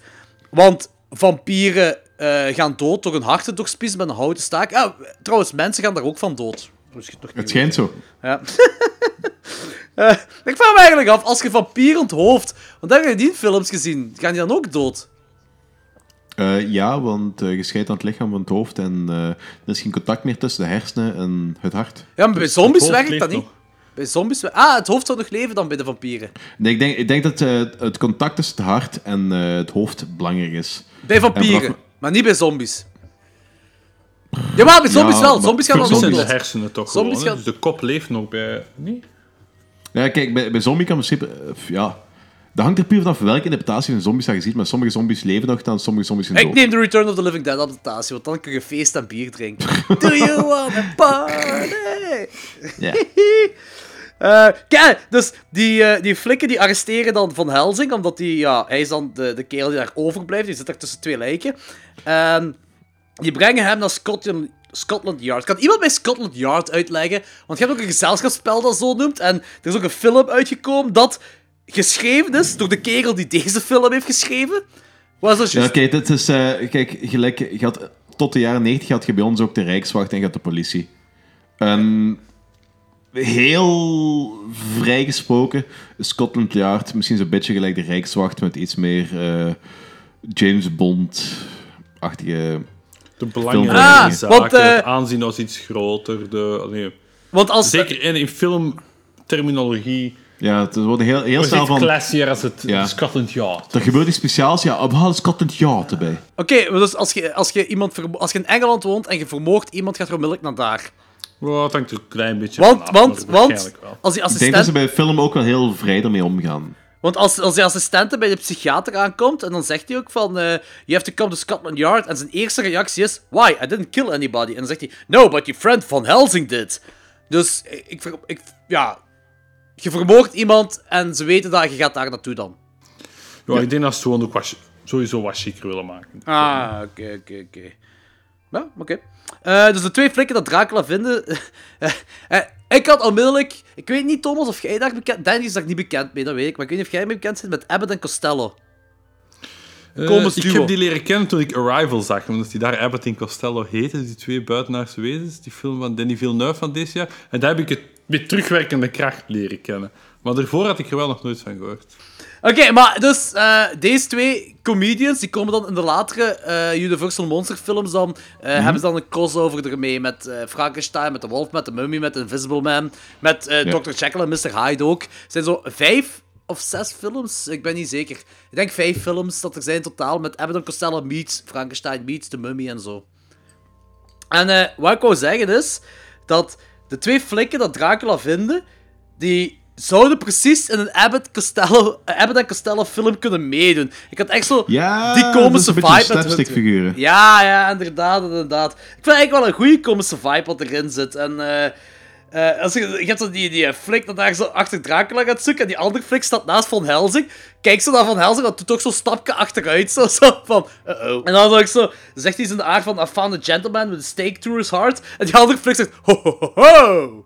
Dat is niet de reactie dat ooit het echt zou gebeuren als een flik zou zeggen van... "Hey, ik heb daar juist een lijk gevonden met een, een doorspieste hart. Ja, maar ik vond dat dan net het punt dat, dat negatief werkte bij mij. Echt? Omdat dat zo nog de punten waren dat... Opnieuw, ik heb de eerste niet gezien. En voor mij, om zo in het verhaal te geraken... En dan in het horrorfeel verhaal te geraken... Vond ik dat allemaal zo, ja... Dat hielp niet. Dat was allemaal wat oppervlakkig of Ja, ja, te, deze- te ludiek. En dat was ook, eh, ja, mee. Het blijft allemaal wat. Ik ben niet mee. Terwijl bij allee, The Black Cat was dat gewoon vanaf de eerste 10 minuten, bam, ik zat erin. En hier bleef dat zo wat, goh ja, wat is dit nu? Ja, ja, deze is een pak komischer dan, dan, dan de Black Cat. Hier hebben ze een pak, Ja. pak weer dingen toegevoegd. Ik moet, wel, ik moet ook wel eerlijk zeggen, de allereerste keer toen ik deze film zag, heb ik hem halverwege afgezet, omdat ik zoiets had van, deze is niet wat ik wil van de Universal Monsters. Toen heb ik nog een tweede keer gezien, dan was ik nog niet verkocht. Toen heb ik een derde keer gezien, en toen had ik zoiets van, eh, eigenlijk als je deze als film apart bekijkt, is deze... Ah, vind ik deze echt wel fantastisch. Ik vind, Fantastisch? Maar, ja. Ik- ik maar ik moet wel, ik heb de... Ik ben ja, heel mijn leven lang al opgegroeid met Universal Monsters. Ik heb die komische dingen heb ik ook allemaal al gezien ondertussen. En dan kun je makkelijker teruggrijpen naar deze film. Als je al meer in die komische dingen zit. Plus, ik vind ook dat, eh, dat Count, ah, Gloria Holden, dat die ook een, een heel goede performance heeft neergezet van de Countess. Ja, en ik, ik snap het daarin, maar ik, ik, ik, vond echt, ik vond echt geen fok in deze film. Echt? Dat is, dat is zo, ik, vond die, ik vond dat helemaal... Dat is niks een horror in. Dat was gewoon een of andere willekeurige jaren 30 film, waar af en toe een heel klein gothic sausje overheen wordt gesmeten. En Als dat niet Dracula had geheten, had... ja, da- had je de referentie gewoon helemaal niet gelegd. Want ah, zo, als, als dat niet Dracula had En Van geheten... Helsing dan? En, en Van Ja, Helsing erin had nu zit hij gestoken. gewoon aan het- Dat moet ik doen. En Ja, ja. zo, dat geef, geef Van Helsing is zo het personage van Dracula naast Dracula. Ja. Ja, oké, maar het is niet dat zijn rol belachelijk groot is in dit Nee, dat is wel waar, dat is wel waar. Dat- Ze zijn maar, denk ik, drie keer komen ze terug op Dracula. ik weet het Eh, op. Van Helsing. Ik weet het niet. Dus, ja. Maar het, is- het is Ik vooral... vond, ik vond het gewoon geen horrorfilm. Dus, het is het ik vind- komische dat, dat, dat, u zo, af... af- ehm, dat is ook zo een, bre- een breder, eh, brede kritiek op die Dracula-figuur in die vroege Universal-films. Die komt helemaal niet bedreigend over. Die, gaat gewoon een die, die staat gewoon in dezelfde eh, kamer als de, andere, als de protagonisten. En die gaat er gewoon een, con- een conversatie mee. En dan gaat hij weg en dan bijt hij iemand. En ik daar vind ook van. goede jokes dat erin zitten. Zoals die phone gag dat je hebt zo... Van, this is who speaking. Ja, there are elephants seeing pink man.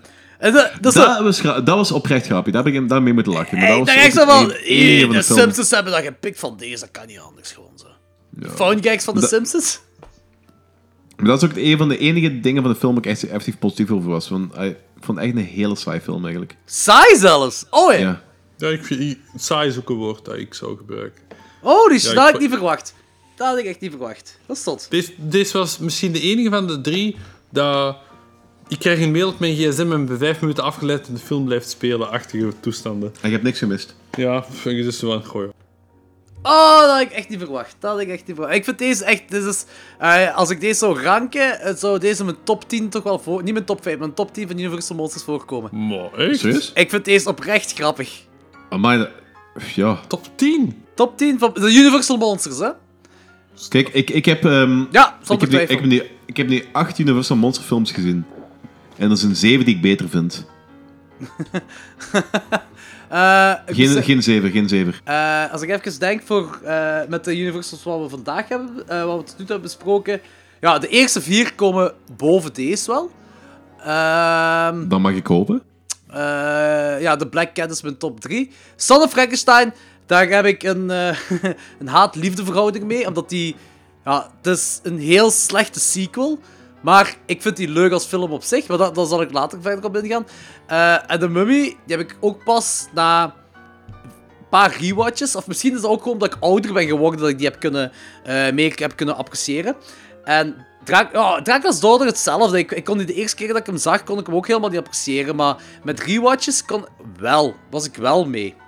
Zo, en trouwens, ehm, laat u niet, als je deze verschrikkelijk vindt, laat je daar niet door eh, afleiden of zo. Want de volgende Dracula, like Son of Dracula, wat hierna komt, is een veel entertainendere film dan deze.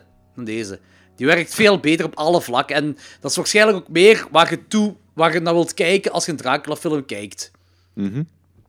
Maar ik snap het ergens wel. Maar ik had wel niet verwacht dat ik echt zo saai zou zeggen. Saai had ik nu niet verwacht. Ik had eerst verwacht van... Wow, het is eh, wat komisch en lollig en, en ludiek. Zo mijn ding niet als zij, ik deze zij film boeide niet.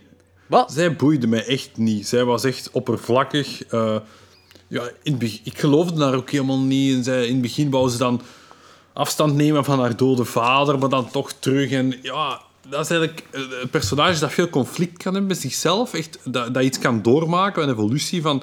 Een evolutie die je dan wel veel sterker ziet, bijvoorbeeld bij... eh, straks mee, hoe heet een Baron Wolf von Frankenstein, die een geweldige karakter-evolutie doormaakt. En deze personages dat ook kunnen doen, als je het verhaal neemt. Maar toch voelde ik dat eigenlijk echt nergens. Ik voelde dat gewoon van in het begin Ik was op, bij hem op, op liggen en- dat die wel moest gaan komen. Want ja, oké, misschien was het ook van het feit... Deze is een Dracula-film, het begint en de eerste 20 minuten heb je het gevoel... Ja, wie is hier eigenlijk de bad guy? Is eigenlijk geen bad guy, dus... Het ligt er wel vingerdik op Ja, dat zij maar dat moet iets- worden. En ja, Dat is wel iets wat prominent in alle Dracula-films is. Van de eerste tot de verdere ook zo. De- het duurt even vooraleer je eigenlijk met je centraal personage bezig bent. Eh, dat, dat was bij de eerste was dat ook. Dat, dat is een common ding in de Dracula-films. ja, dat kan goed zijn, maar ja... Wat... Ja, daar, daar zit je hier niet mee gered. Dat is wel waar. Dat is inderdaad wel waar. Ik, vond, ik, vond, ik was... Met haar was ik mee. En eh, met eh, David Manners was ik ook mee. Dat, al de rest vond ik ook wel zo wat... Maar, maar, maar ik vond ook trouwens de scène... Ik vond dat oprecht jaren 30 geile lesbienne stijl. Dat was echt... Die eh modelshoot daar zo. dus deze film heeft een lesbische ondertoon, hè. Dat is er zo wat voor gemaakt. Want er is zelfs een... eh, ik wist zelfs niet dat dat bestond, maar een, een gay film historian. Dat is dan blijkbaar allemaal films onderzoekt om te kijken oh, eh, hoe homoseksueel dat die films zijn. En die noemt Vito Russo. En die zei dat The Countess eh, in deze film een voorbeeld is van de essentie van homoseksualiteit als een roofzuchtige zwakte. Dat is een heel sterke uitspraak. Dacht zijnde wil ik wel een, eh, wil, wil ik wel een kinky film historian worden.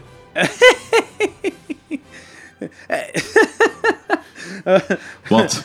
Ja, ja, ja, ja, ja, oké. Porno, porno kijken van de jaren 1890. Pas op, ik heb, ik heb al effectief al tekeningen uit die periode gezien en dergelijke. En er zit echt wel, echt wel, echt wel kinky shit tussen hoor. Dus, een eh, gele enkel dat je kunt zien of zo. eh, nee, onderschat dat niet. Die man die waren inderdaad, in de tijd was ook al zo... eh, gewoon, Marquis de Sade was toen al oud. Hè. Ey, dat is de meest gestoorde shit wat er ooit geschreven is. Dus, eh, Oké. Eh, om nu nu even terug naar de film te gaan. dat gezegd al- zijnde, even Ja. een film. Maar het gaat toch niet lukken, zo Jordi. Probeer wat je wilt. Ja, nee. Oké. ehm, Dus Jordi, hoeveel punten geef je? Hij is al bij lesbische vrouwen terechtgekomen. Om ons te ja, maar ja. Ik vind dat een goeie- ik vind dat een goede evolutie ten opzichte van de film eigenlijk. Ik vind wel cool dat ze terug naar Transylvanië gaan. Dat dan het Dat vond, dat vond ik leuk, dat vond ik leuk, dat staat er gedaan. En dat ze in Transylvanië al die mensen ook wel terug in Hongarije, dus dat al die mensen ook terug Engels praten. En er opnieuw heel Duits Ik uitzagen. vond, ik, vond, ik vond wel heel cool dat zo die ding is, dat licht in dat kasteel gedaan, dat daar wat 20 jaar niet gebrand, of weet ik veel hoe lang dat niet gebrand heeft. Dat is keilang niet gebrand. En dan zo, hele dorp wordt gewoon zot. Hele dorp wordt zot op dat moment. And the crowd goes wild. Dat is zo heel die, die dingen waar zo'n alle Universal Monsters wel terug voorkomen, zijn dat je eh, de dorpsgekte hebt. Zo, de dorpelingen zo eh, een mening te vormen en, en gewoon zot worden tegen, tegen het monster. Ja. Natuurlijk. Ik vind dat in Son of, eh, wacht, eh, blah. Son of Frankenstein heel sterk in die openingsscène. Dat gevoel dat je daar in dat dorp dan hebt als die zoon dan afkomt. Ja, maar dat dorp en- noemt Frankenstein. Ja, maar gewoon die feel vind ik daar opnieuw. Dat is ook het begin van die film en na 10 minuten zet je mee, mee. Ik heb die eerste niet gezien. En toch was ik na 10 minuten echt helemaal mee met wat daar speelde. En dat vond ik fantastisch. En dat miste ik hier weer volledig. En in, zelf in de Mummy, en zeker in de Black Cat, had ik dat helemaal weer niet. Hier was... eh, Nee, zeker Son of Frankenstein was ik echt Ik gewoon- snap wat je bedoelt. Dit is zo niet... Ik had twee films gemist en toch tien minuten was mee. Ik, ik Ja. kon volgen. Dit is, niet, dit is zo wat de, de uitsteker op een Dracula-verhaal. Zo wat. Dit is... eh, ja, dit is niet wat je verwacht van een Dracula-verhaal. Dit geeft niet het gevoel van een Dracula-verhaal. Nee, helemaal niet. Veel horror zat hier ook niet echt in, hè. Oh, nee, helemaal. Dit is, dit is, eh, ze zijn volledig de Dat opgegaan. met Casablanca in een gotische setting of zo. Nee, Casablanca zou ik ook niet zeggen. Ik zeg maar, het is gewoon zo een film uit die periode, maar dat is zo... Dat is zo, dat is zo als ze niet naar Transylvanië terug waren gaan, als er niet af en toe zijn meisje was dat naar een nek was gebeten, dat had er echt geen fuck met Dracula te maken, had er geen fuck met horror Het te is maken. was heel dus- cheap. Ik vind dat ergens raar, Joris, dat jij die zo goed vindt. Ja, echt. Ik, vond, ik, ik heb me geamuseerd met deze film. Ik vind, ik vind deze oprecht grappig. ik vind het echt goed grappig. Ik vind, bij- ja, ik snap het wel dat het, niks, dat, dat het zo afsteekt op het genre, op, eh, op het Dracula-verhaal, maar ik, vind, ik heb me goed geamuseerd. Ik heb goed gelachen. Er waren goede jokes in. Ehm, ik vond, ik dat, vond, is, dat is ik misschien al vond David... mij al... Ja, oké, je zit niet in de komische stuff. Ik ben, maar ja, ik ben ik vond, komische horror. ik eigenlijk. vond eh, het personage... Jeffrey vond ik... Jeffrey vond ik oprecht een heel gaaf personage. Als zij die, die link ook... Die link legt tussen eh, de spiegels dat de Countess niet heeft. En dan zegt van ja... Van Helsing zegt dan zo van ja, de, de vampieren die mogen niet. eh, die, zij- je ziet nooit in de spiegel in de buurt omdat ze geen reflectie hebben. Bla, bla. Je ziet echt zo van dat er zo een licht zijn kop opgaat. Zo van. Ha, wacht eens even. En dan onmiddellijk begint hij. De Countess. hem daar, had hem daarvoor toch ook al gezegd van... Te eh, confronteren. toen, dat, toen, hij bij de Countess was van... Ja, maar wat zou Van Helsing zeggen? Ja, hij zou zo een of andere occulte uitleg van geven als... eh, eh, ja, is zo... ehm, vampieren tonen... gebruiken geen spiegels en dergelijke. Ja, maar hij begint wel al die links aan elkaar te leggen. En dan begint hij, dan begint hij te zeggen van een soort van spiegelhypnose dat hem wil toe- toe-. Ah, dat vind ik. Ik heb ook problemen met deze film. Hè. Gelijk als dat model. Dat, waar ik had verwacht dat ze seks zouden hebben, maar blijkbaar geen seks hebben. Jammer. Ja, amai. Dat zou... eh, ja, oké. En eh, dat, eh, dat... Zij bijt dat model. Dat model geraakt bewusteloos. En... Ah, in de mythologie van vampieren zou ze toch een vampier moeten geworden zijn. Maar zij sterft aan een hartaanval of een hartfalen of whatever. Maar dat is iets wat, wat niet klopt met de hele die vampierenmythologie. Er zijn heel veel varianten op vampierenmythologie. Dus sommigen zeggen dat je dan eh, automatisch een vampier wordt. Anderen zeggen dat je zo onder bepaalde omstandigheden vampier wordt. Ik had, ik had eerlijk gezegd, ik had verwacht dat eh, als eh, dan die hypnose uitvoert bij haar om dan zo alles te weten te komen en zij sterft, ik dacht oké, die sterft en die gaat dan nu gaat die een vampier worden. Dat ik verwacht, nee, ze sterft en ze is weg. Out of the picture. Dat vond ik, dat vond ik jammer. Heel jammer zelfs. Kunt je eens een voorbeeld geven? Wat, wat bedoel je mee onder bepaalde omstandigheden een vampier worden? Onder wat dan, bro? Ja, kijk, eh, dus als je een van de, een van de populairste eh vampieren-series van de laatste jaren, eh, True Blood, Ja. dat iemand die gebeten wordt en die moet dan begraven worden en s'nachts slaat hij dan terug op als vampier. Als je gewoon, ge- gewoon gebeten wordt door een vampier, betekent niet per se dat je vampier wordt. En zelfs, zelfs hier, ik van die boeken van Paul van Loon liggen, zo, zo griezelhandboeken, weet van allemaal toestanden, dat is ook zo van, zo, als je onder die omstandigheden, onder die omstandigheden, dat, dan, dan dat, dan kun je vampier worden. Of als je een weerwolf bent en je wordt neergeschoten en je wordt, eh, je wordt niet begraven en je ligt naakt onder eh, het maanlicht, dan word je ook een vampier, dat soort toestanden. Dus in principe, als eh, die model, als die begraven zou worden, nadat ze gebeten was, zou ze een vampier kunnen worden. Ja, mogelijk hangt af van welke variant van eh, folklore dat... Als, eh, als, True- eh, als we de True Blood dinges volgen. ja, Ik vond True True Blood eigenlijk zo- echt geen coole serie. hè. Ik vond het op het begin cool en toen, dat wordt heel snel medi mediocre. Oké, nog even terug naar Dragon's Daughter.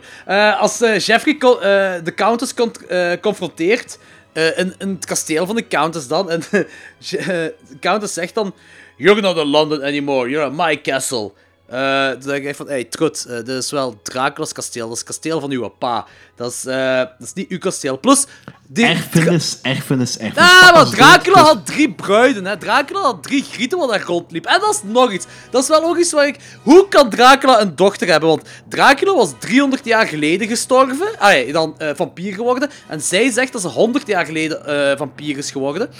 Dus, dat betekent dat... Zijn vampieren, on- zijn vampieren eh, onvruchtbaar? Ja, ik weet, als je een ondode bent en eh je spermacellen, wat zijn je spermacellen dan op dat moment? Als je, als je dan een griet neukt, kun je die zwanger maken als vampier. Dat eh, hangt af van interpretatie en folklore opnieuw. Ik weet, ik ik dat is wel heel raar. Ik, eh, weet je, zo, misschien, ik was nog aan het denken, misschien dat hij die geadopteerd heeft of zo. Allee, misschien een Dracula-stijl dan gestolen heeft ergens of zo. Dat kan misschien wel zijn, inderdaad. Ja. En dat hij dan, eh, dus 100 jaar geleden, die gestolen heeft als baby en dan een vampier heeft gemaakt als baby. En dan is dat die dochter en bla bla bla allemaal. Maar ik denk echt niet dat hij zo een van die bruiden zwanger zou gemaakt hebben. Of gewoon een griet heeft zwanger gemaakt. Ik denk niet dat Dracula of een vampier iemand kan zwanger maken. Ik denk als je ondood bent, dat je, je testicles, je spermacellen ook ondood zijn. Tja, dat kan wel. Maar eh, als de testicles ondood zijn, dat betekent dat misschien een eh eicel kan bevruchten en dat die dan ook ondood wordt.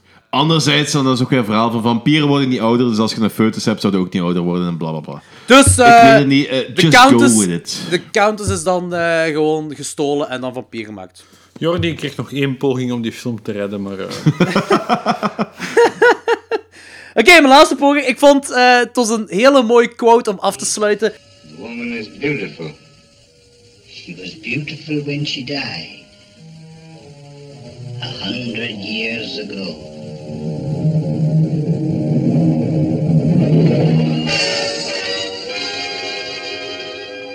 Dat vond ik, dat vond ik dat inderdaad is wel een, dat was een, een mooie uitspraak.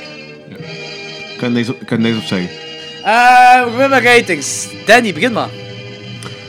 Eh, dit was mijn minst favoriete serie, eh, film. Het is de reeks van films die ik vandaag eh, deze week heb gezien. Dus ja, ik heb al gezegd, ik vond die heel saai. Ik vond er heel weinig horror-elementen in. Als ze niet naar Transylvania waren geweest en niet af en toe een, een nekje gezogen werd, dan was er ook heel weinig Dracula aan. Dus ik weet het niet. Dus dat uur kon niet snel genoeg voorbij zijn. Ik ben blij dat die film een uur duurde en niet, niet twee uur gelijk. ay, uur en drie kwartier gelijk een van die andere Son Dus, Frankenstein. eh, Son of Frankenstein. ja. Ja, ik ben blij dat die niet zo lang duurde, want ik, ik was eigenlijk kotsbeu geweest. Dus ik zat nu al zo te- meer op mijn gsm te kijken dan ik eigenlijk zou moeten doen. En, ik, ik was echt verveeld. Dat zo, ik, ik, wist, ik vond het gewoon niet fijn om te kijken. Niet fijn om te kijken is niet veel gezegd. Ik, ik vind zo die jaren 30 films, die altijd zo hun charme hebben. eh, dat vind ik tof. Maar het kon me niet echt boeien. Dat zijn zo andere films die niet horror zijn, die ik interessanter vind dan dit. Oké, dat snap, Dat snap dus, ik echt. Nee, dat snap ik wel, dat snap ik wel. Maar eh, je hebt die van vergeleken met Casablanca, maar... Ja, maar dat, dat is, ik heb Casablanca ook nooit gezien. Maar het is zo, ik Ah, oké. Ik zeg gewoon de eerste beste film, zo, eh, de eerste beste zwart-wit jaren 30 film. Oké, want ik vind Casablanca echt een meesterwerk, hè. Dat kan zijn, maar ik heb die nooit gezien. Oké. Oké, zo was goed. En, om- en dat is heel raar, want ik heb in de week gedroomd dat wij deze discussie hadden. Wat? Van Casablanca? Ja, van dat, van dat ik Wacht, zei... jij dat- vindt dat het raarste Casablanca? Jij vindt het niet raar dat Danny over u droomt? Nee, dat gebeurt al meermaals. Ja. En Ja. stuurt hij dan soms? Twee keer per week. Oh, wauw, dat is wel eh, dat is mooi. Ja, nee, de echte discussie hadden van dat ik die nog niet gezien had, dat jij wel, en dat jij die goed vond. Daar stopte het erom, dat de rest weet ik niet meer, maar in ieder geval... Right. Pretty Rating. fucking, pretty fucking creepy. Eh, ja, ik ga hem een 4 geven. Oeh, dat is laag. Zeg no voor mij zeg nog eens 3, 4, 5, 6. Eh, Oké, eh, vijf is dus teleurstellend.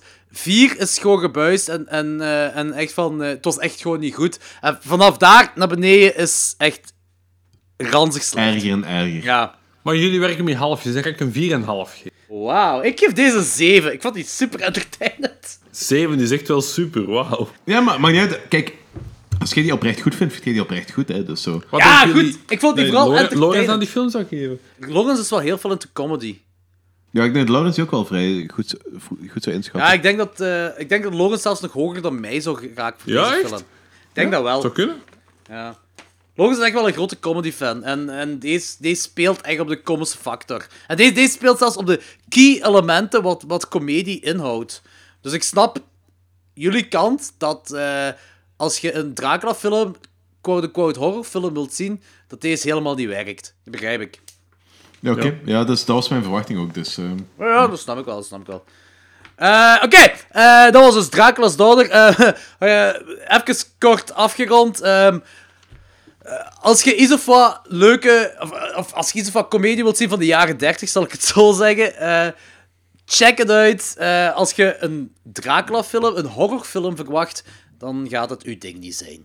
En is het een probleem, Jordi? Sorry. eh, als je deze skipt, omdat je zegt dat de volgende zo goed Oh, is. nee, nee, nee, nee, nee, nee. Dus, je kunt perfect... eh, Dat, dat geldt voor elke Universal horrorfilm. Je, je kunt ze skippen om de volgende te zien. Dat maakt niet zoveel uit. Oké. Maar het is wel... Son of Dracula is echt wel... Dat gaat ook meer jullie ding zijn, denk ik. Ze. Oké. Oké, ik wil even zeggen, ik ga mijn score even aanpassen naar 4,5. Want ik vind zo die hypnose shit wel cool. Oké, Right, 4,5. bedankt. Oké. Nog altijd gebuist. Nog altijd gebuist, maar wel een 4,5. years ago, in the barony of Frankenstein, a monster created by man stalked through the country, maiming and killing.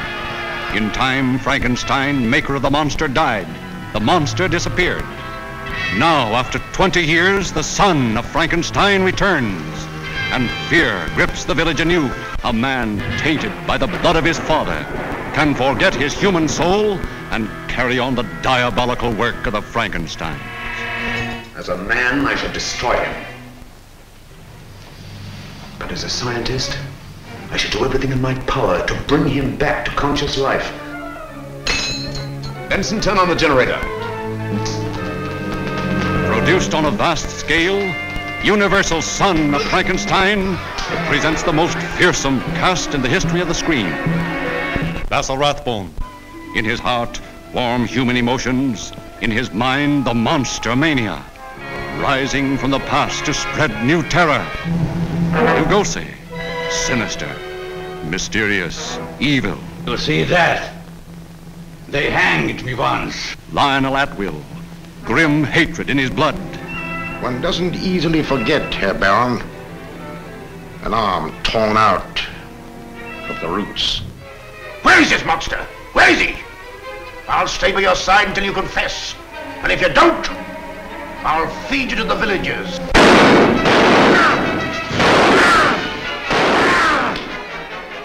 Son of Frankenstein uit 1939. De derde film in de Frankenstein-franchise. En eh een sequel op Bride of Frankenstein. En het ah, zo, hetgeen wat me is opgevallen is, net zoals Bride vier jaar later dan Frankenstein uitkwam, komt deze vier jaar later dan Bride uit. Oké. Tagline: The black shadows of the past bred this half man, half demon, creating a new and terrible juggernaut of destruction. Wat trouwens een hele grote leugen is, want er is helemaal geen new terrible and juggernaut of destruction ui- eh, gecreëerd. Dat is dezelfde. Dat is Ja, hetzelfde is dat- monster als de eerste ik- film. Ik moet wel eerlijk zeggen, ik ben wel pro-recyclage. Oké. Eh, geregisseerd door Roland V. Lee. De vorige, die ook... eh, ja, je moet denken, de twee vorige Frankenstein-films werden door een gigantische sterregisseur gemaakt, James Whale. Eh, een dude die niet 100% in zijn hoofd was. En op dit moment, tot ah, zo, eh, 1939, vier meesterwerken gemaakt heeft. Dus eh, we hebben er drie hebben we al besproken, waaronder Invisible Man en de twee Frankenstein-films. En de vierde? dat, eh, The Old Dark House. Die hebben we nog niet besproken. Misschien komt dat later nog wel. House. Maar dat is een, eh, echt een fantastische film. Ik vond in ieder geval, het is een vreemde keuze om James Whale niet opnieuw te gebruiken. Aangezien die twee heel eh, winstgevende films heeft gemaakt voor Universal. Ja, ik, ik weet niet of hetzelfde gaat bij een of andere eh intrige-toestanden waar wij niks van weten of zo. Dus eh, Maar, of gewoon geld. Misschien vroeg je te veel geld. ja, dat is ook goed mogelijk. Maar, right, cast. Basil Redbone als Wolf von Frankenstein. Josephine Hutchinson als Elsa, de vrouw van Wolf. En dat is sowieso knipoog naar Elsa Lanchester, dat de bride speelt. En dan heb je Bella Lugosi als Igor. Lion Atwill als Inspector Croc. eh, en mensen die into classic horror zijn, die zullen wel kennen van Mysteries of the Wax Museum. En Mysteries of the Wax Museum, dat is eh, de eerste House of Wax film. De, de, de remake is dan in de jaren 50 uitgekomen met Vincent Price in de hoofdrol. En dan is er nog een andere House of Wax uitgekomen waarin Paris, Paris Hilton, Hilton. doodgaat. Dat is de beste film ooit. Eh, 10 op trouwens, 10. De, de House of Wax film met Paris Hilton is trouwens een, meer een remake op Tourist Trap van 1979 dan een, een remake op The Mysteries of the Wax Museum of House of Wax met Vincent Price. Dat maakt me niet allemaal Just uit. Ik kreeg niet allemaal 10 op 10. Toen mij eigenlijk denken, is eigenlijk eens geen idee van een Scream Queen? special te doen. Dat je eigenlijk al de screams van Paris Hilton, Jamie Lee Curtis, van allemaal die men- vrouwen knipt en dat je dan bespreekt wie dat de beste scream had. Amai, en gewoon al die screams laten horen ja? in de podcast. Ja, ja. En dan letten op het duur en intonatie en, en inhoud. en- Wauw, ik ben fan. En de erotische vibe. Ja, voilà. Ik ben fan. Eh, trouwens, ben fan. trouwens eh, we hebben dat vandaag al een paar keer ehm, Halloween en dergelijke en Jamie Lee Curtis en zo vermeld.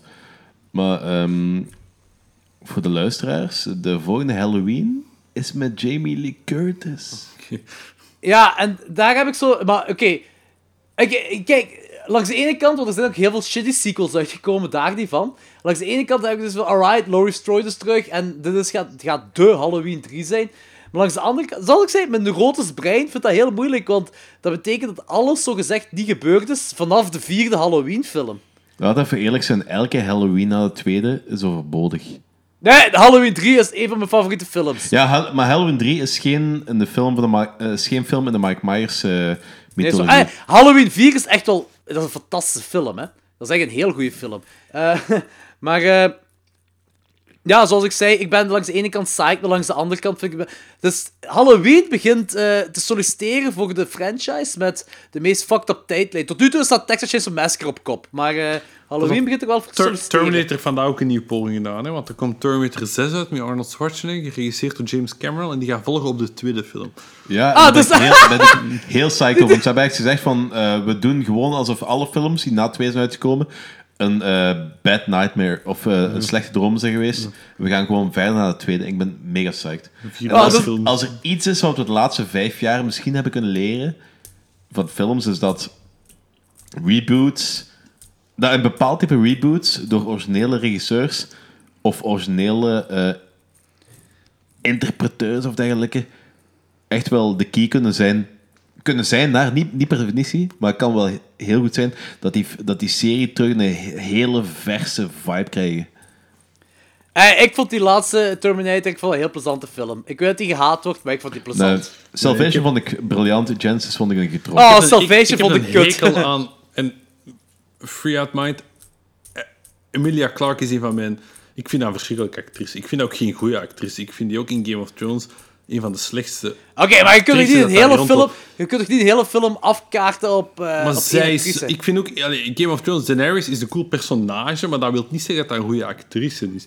Ik vind Emilia Clarke echt geen goede actrice. In, het wordt slechter en slechter en slechter. Gewoon het feit dat hij graaf is en dat hij draken heeft, is geen excuus om te, te feit dat hij eigenlijk niet goed Ah, acteert. maar ik heb maar één aflevering van Game of Thrones gezien, dus ik weet niet. Ah, hey, oké. gaan we trouwens eens eh, over Universal Monsters praten? Want, jezus, de luisteraars moeten ook wel denken van... Ja, dan ga ik eens naar die eikels luisteren dat hier een beetje Universal Monsters te bespreken. en Ze zijn nog over andere dingen bezig. Dat is allemaal We zijn kei meta, we zijn kei me- We leren de luisteraar iets aan. De luisteraar moet tevreden zijn. Dit was trouwens gewoon een segue van Lion Atoll, dat nog zo'n een andere classic horror speelt. En we zijn bij Game of Thrones uitgekomen. Via Terminator, which is cool. Ah, er komt een nieuwe Terminator-film. Goed daarover begint. Danny Shane Black, zijn nieuwe Terminator. Uh, zijn Predator, sorry, excuseer. Er komt een nieuwe Predator-film. Mega psyched. de. Ja. Zeker omdat hij weer in een urban setting gaat zijn. ja, ja. Gaan we misschien nu wel eens echt terugkeren naar Lion Atwell, want die kerel heeft nog meer dingen gedaan, ze. Wat niks met Terminator heeft te maken. Dus die komt ook in de sequels voor van, van de Frankenstein-dingen. Er is een Ghost of Frankenstein, wat de volgende Frankenstein-film is. Een Frankenstein Meets the Wolfman, een House of Frankenstein en House of Dracula. En het erge is dat die dude elke keer een ander personage aanneemt. Ook al, ook al is dat één dezelfde eh multiversum. Want, ah ja, dat, trouwens, de luister, naar de luisteraars toe moesten jullie niet bekend zijn met Universal Monsters, alle classics. Fuck Marvel. Universal Monsters was eerst met een heel groot multiversum te creëren waar alle Universal Monsters samen in leven. Eh, fuck Deadpool, fuck de X-Men, fuck Spider-Man en deze was eerst. En, heb, eh, Thomas, heb jij ooit trouwens de Spider-Man gedaan? Wat is de Spider-Man? Waar is de Spider-Man? Wanneer je klaarkomt in je hand en dan flink je dat zo. Oh je jezus, fucking hell. ja, sorry Thomas, ik ken die mensen niet, ik heb er nooit van gehoord. Dat is, ik, ben aan, ik, ik ben aan het proberen met Danny, maar het lukt niet. kun, ah, kun je alsjeblieft toch op die fucking films zijn, man. Oké, eh, laatste van de cast. Boris Karloff keert terug als de monster. En dat is de allereerste laatste keer dat Ka Karloff het monster speelt. Eh, maar, ik weet niet of jullie ervan op de hoogte zijn. De volgende films, de Frankenstein-films, eh, wordt het monster effectief door grote, iconische sterren gespeeld. In de volgende heb je Lon, Lon Chaney Jr., die vooral bekend is als The Wolfman. Eh in de film daarna speelt Bela Lugosi het monster. Eh, en de drie films daarna, House of Frankenstein, House of Dracula en de Abbott en Costello meets Frankenstein, wordt dat gespeeld door Glenn Strange. Maar dat is nu niet echt Oké, dus van, van, alle namen, van alle namen die je hebt gezegd, gezegd van ja, nu eindelijk grote, grote acteurs. Ja, maar ik vind Boris Karloff nog altijd zo de, de meest toch wel iconische de god Frankenstein van van ons dingen. allemaal hoor. Ah, Lon Chaney Jr., man. Dat is, dat is degene die in de meeste dingen heeft gespeeld. Dat is degene die eh, Universal terug op de kaart heeft gebracht nadat Boris Karloff dat eh, heeft laten zakken. Je zegt nadat Boris Karloff. Ja, omdat Lon Chaney Jr. toen nog niet ah, in de picture was. Maar Lon Chaney Jr. is wel de zoon van de kerel die eigenlijk horror heeft gemaakt. Lon Chaney, the man of a thousand faces. Zonder Lon Chaney kan ik u nu Zwarte Pit zeggen... eh, Zwarte Pit, Zwarte Pit films. ho- horror, gelijk we nu kennen, was er niet zonder Lon Chaney. Lon Chaney heeft dat gemaakt. Lon Chaney heeft Jack Pierce geïnspireerd. En nog heel veel make-up artiesten en special effects artiesten. Totdat, eh, totdat je Tom Savini hebt in de jaren 80 en dan tegenwoordig K&B effects. Dat is Lon Chaney allemaal. Oké. ah, maar wel en nog een leuk, eh, leuk fun fact. In eh, House of Frankenstein, eh, wat eh, ook een sequel is, speelt Glenn Strange dan ook nog eh, het monster. Waar, daar doet Boris Karloff wel terug in mee, maar daar speelt hij dan een dokter. Heel raar. Oké. One of the sons of Frankenstein finds his father's monster in a coma and revives him, only to find out he's controlled by Igor, who is bent on revenge. Was dat, was, was dat sexy? Of, Manneke, ik heb hier een stijve van hier tot een jackamaka. Awkward. Oké, ehm, ja, dus. Eh, ik, moet, ik, ik ga al onmiddellijk zeggen, van, ik vond deze veel genietbaarder dan eh Dracula. Dus, eh, dus ik ben... Dan ik Dracula of dan Dracula's Daughter? Dracula's Daughter. Ik vind sowieso ook, ook Dracula. Zo, Dracula, ik heb die... Ik weet niet meer hoeveel punten ik die geef, maar ik was wel vrij positief over. Maar ik moet eerlijk zeggen dat... ehm, ik vind die films niet zo bedreigend als dat ik verwacht van een horrorfilm. Dat is zo... Ja, oké, het is- het is- je moet ook wel een beetje zijn tijd bekijken, hè. Ja, maar los daarvan, ik vind de, de Frankenstein-films vind ik dat wel hebben. De Frankenstein-films hebben een atmosfeer, hebben een creatuur, hebben een, eh, een dreigend element. En Dracula is gewoon, gelijk dat straks zei, een dude die bij u in de kamer staat en met u dis- discussieert over dingen. Eh, ja, oké. Dus ja, dus, eh, sowieso, ik denk dat van zo'n Universal dingen dat Frankenstein zo wel mijn favoriete, mijn favoriete franchise is van die... Ik ben ook wel meer into de Frankenstein-films. hè, daar niet van. va. Ah, ja, ik, ben, ik, ben nog, ik ben nog meer into de Invisible Man-films. Omdat dat, dat maakt eh, het nog echter. Is dat misschien verkeerd gezegd? Nee, nee. En de, weet je, ik heb zoiets... De, Dr. Jack Griffin is gewoon een heel horrific personage. En... eh dat, ai, Ah ja, dat zijn de, de meeste kills on, on screen en dergelijke. Ja, en die, die, die, die praat over verkrachting. Die zegt zo van, ja, nu dat ik onzichtbaar heb, kan ik gewoon gaan verkrachten, gelijk, alsof het normaal is. En dat zijn, ja, een heel zot personage. Swat, buiten dat gezegd zijnde.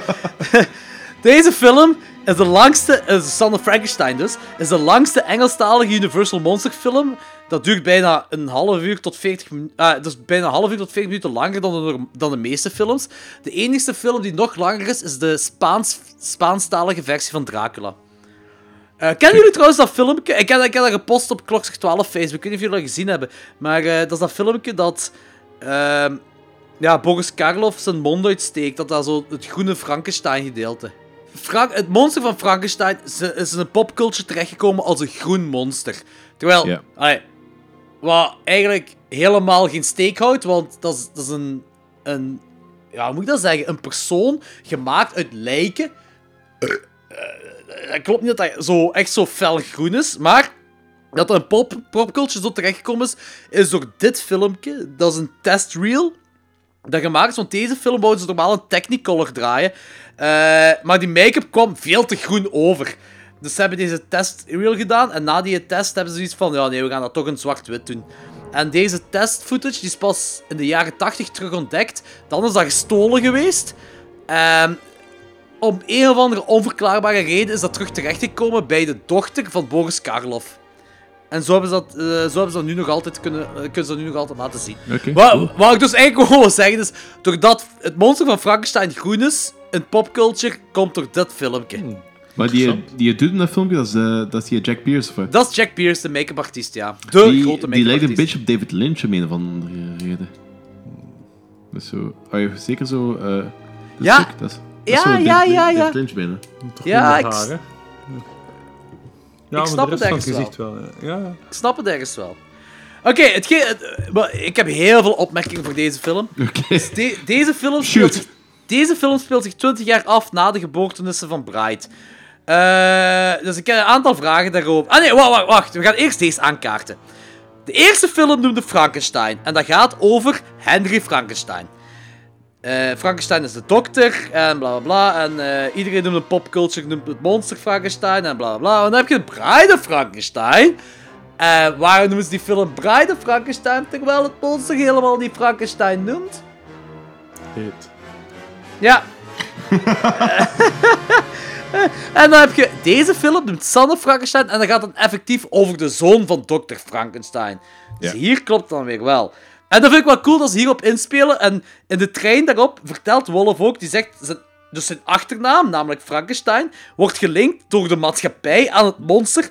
En hij zegt letterlijk, ze noemen het monster de naam van mijn vader. En dan hoort je de treinconducteur zeggen, Frankenstein, we are in Frankenstein. Dus dat betekent dat eh, mijn gok is vanaf Bride Frankenstein dat dat in popculture is overgenomen dat het monster Frankenstein noemt. dat het al zo dat- oud dat is. Dat is inderdaad, ik had die vibe, eh, dat idee ook wel op dat moment eigenlijk. Ik vond dat, vond dat wel heel cool eigenlijk. Want Dat is inderdaad- meta. Dat is kei meta dat het ze zeggen vermelden. eigenlijk ook wel van... ai, jaar geleden, voordat ik zo die boeken gelezen had, voordat ik dat boek gelezen had dergelijke, dat ik ook van zo... Oh ja, Frankenstein, dat is een monster. Nee, dat is een monster helemaal niet. Frankenstein is die wetenschapper. Ja, inderdaad. Maar ik vind het wel cool dat ze dan deze film zo aankaarten. 1939 is deze film, hè, dus dat is wel heel gaaf. Eh, maar wat ik dus wil zeggen is dat deze film speelt zich 20 jaar af na de gebeurtenis van Bride of Frankenstein. Nu, Basil Redbone, dat de zoon is van Victor Frankenstein, die is in deze film is hij 47 jaar oud. Hè? Eh, 20 jaar terug zou hij dus 27 jaar zijn geweest. Maar Colin Clive, eh, dat dus Victor Frankenstein speelt in Bride Frankenstein, is 35 jaar tijdens Bride Frankenstein. Wat dus betekent dat Victor Frankenstein 8 jaar was toen dat een vader geworden is. Volgens deze film. Kan, hè? Kan. Kan, maar is heel, heel, heel onwaarschijnlijk. Misschien was hij gewoon heel vroeg erbij. En de inspecteur dan. Je hebt die inspecteur dat, dat zijn eh, arm verloren heeft. Dus die was 54 jaar tijdens deze film. Zijn arm, hij zegt letterlijk in de film dat zijn arm er afgerukt werd toen hij een kind was. Eh, eh, wat dus 20 jaar geleden is gebeurd. 20 jaar geleden was hij 34 jaar. Ja. dat is niet echt kind, hè? Eh, ja, misschien heeft hij er lang, lang over gedaan om volwassen te worden. Hè? Ah, eh, ik denk gewoon dat dat heel lazy writing is. Ja, da, da, ik krijg inderdaad wel een beetje die vibe van lazy writing. Ik moet, ik moet wel toegeven dat het heel cool is dat ze effectief nadruk leggen dat zijn arm er van de roots is afgerukt. Want onmiddellijk gaat mijn verbeelding over dat het monster van Frankenstein dat echt eraf rukt. Ik denk nu aan Pennywise en Georgie. Oeh, ja, inderdaad. Inderdaad. En waarom noemt Frankensteins hulpje nu plots Igor? Ik weet dat Igor heel bekend is. Ah, dat, dat in popculture is de, moet ik zeggen, de, de hunchback eh, assistent knecht eh, is in popculture noemt sowieso Igor overal waar je dat beziet. Maar origineel, gespeeld door Dwight Fry, noemen die Frits in de eerste Frankenstein film. In de tweede, in The Bride, weer gespeeld door Dwight Fry, noemen die Carl. Nu, gespeeld door Bella Lugosi, noemt hij plots Igor. Met een ei. Is dat Bela Lugosi in deze film? Ja. Dat is Bella Lugosi. Jesus Christ. Oh, fucking hell. Ik, ik, ik had dat totaal niet door. Maakt die film Nee, dat is ermee. De, de, de- Danny, je moet denken. De- deze wordt beschouwd als eh, de beste performance dat Bella Lugosi ooit gegeven heeft. En de- eerlijk Ik gezegd, dacht, ga ik ermee ik dacht Bright dat, dat- toen dat je dat zei daar straks. Nee, nee, nee, nee, nee, nee. nee. In een Bride is dat... eh, eh, ja, Igor noemt daar Carl. En dat wordt dan nog altijd gespeeld door Dwight Fry, die dat Mhm. ook in Frankenstein speelt. Maar hier is dat Bella Lugosi. Je merkt niet dat dat Bella Lugosi is, Ja, hè? inderdaad, want ik had daar zo totaal geen Bela Lugosi-vibe over. Dus, dat Nee, zo... inderdaad. Hier, hier is hem afgestapt. not the vampire from Transylvania. Hier is hem afgestapt van zijn Dracula-personage en super goed gedaan. En ja, ik weet niet, ik, ik kan alleen maar lof spreken over Bela Lugosi in deze film. En die naamverandering, heb je daar een antwoord op? Of niet? Nee, dan wou ik vragen aan jullie. Waarom is dat? Ik vind dat Ik heel kut. Ik Maar nogmaals, mijn grote brein die kan daar niet mee werken. Dat zo hetzelfde personage van naam verandert. En Ik weet dat misschien hebben ze zo, zo van alles geprobeerd en dat zo eh, Igor bleek toch het beste zijn. En ik heb er echt geen verklaring voor, dus Ik, ik heb vragen. misschien een beetje verklaring. En weet je, in het origineel screenplay voor deze film kwam Igor helemaal niet in voor. Maar de regisseur die vond het gewoon heel hard.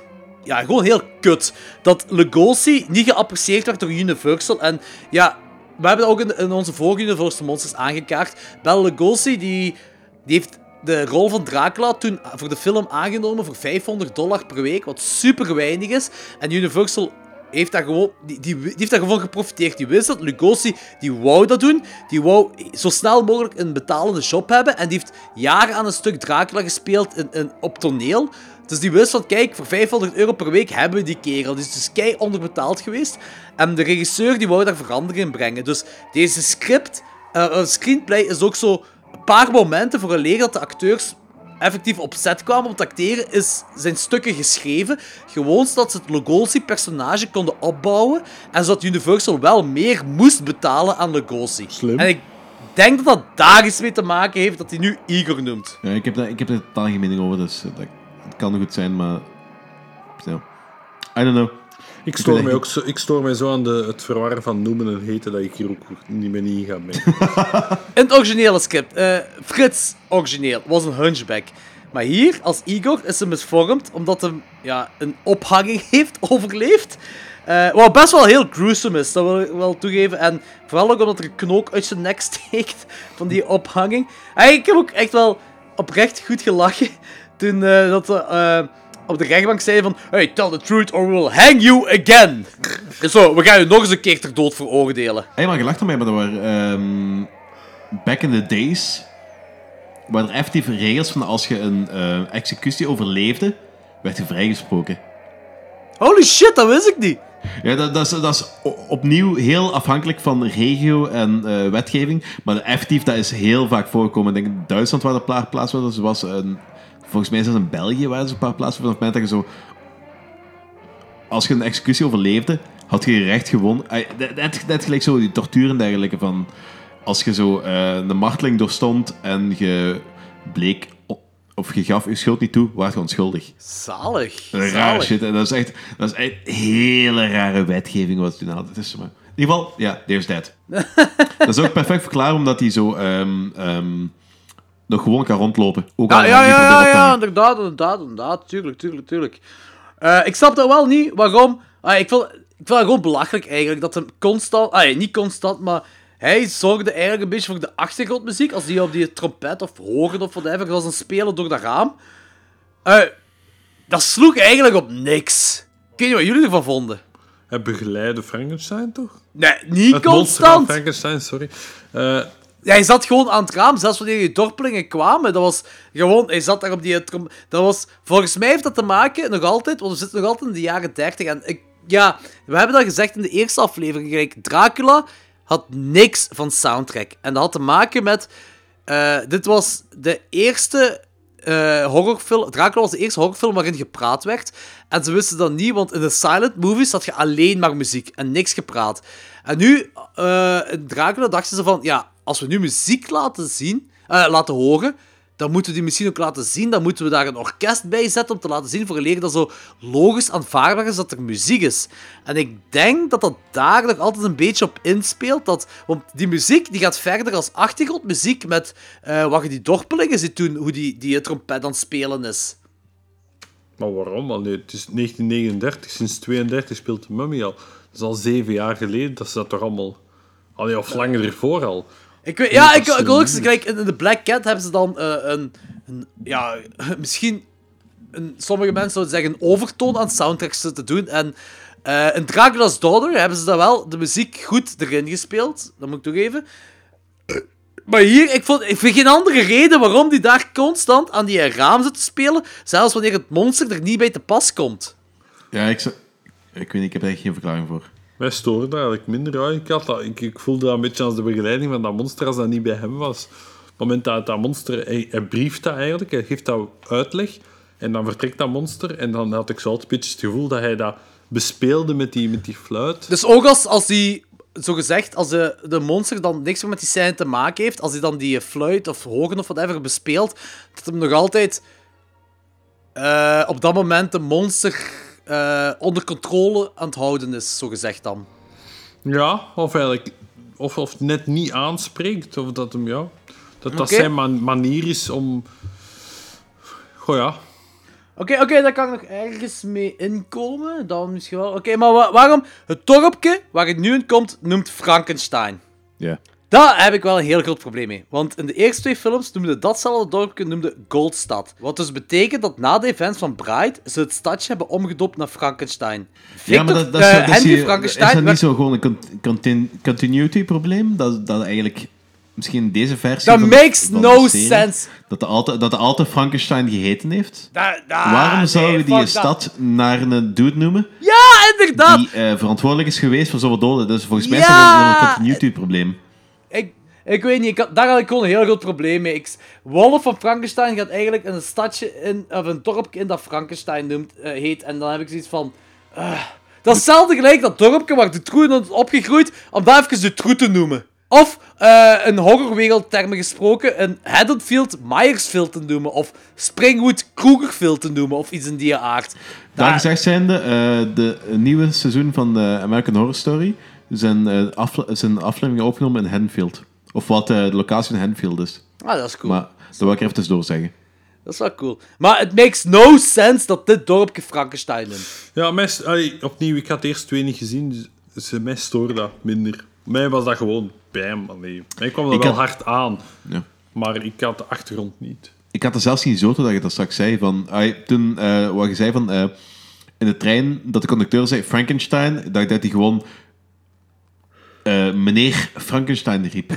Dat hij zo belangrijk was. Dat, zo, hey, dat hij u, of dat hij dan Frankenstein in de trein oppikt. Hé, hey, meneer Frankenstein, hier is uw ding, hier is uw eh Ja, eh, dat kan, ik weet dat niet. Maar in de treinhalte mensen. hangt het wel uit. Ja, ja, het hangt er ook hangt effectief-. Ja, maar dat is mij ontgaan.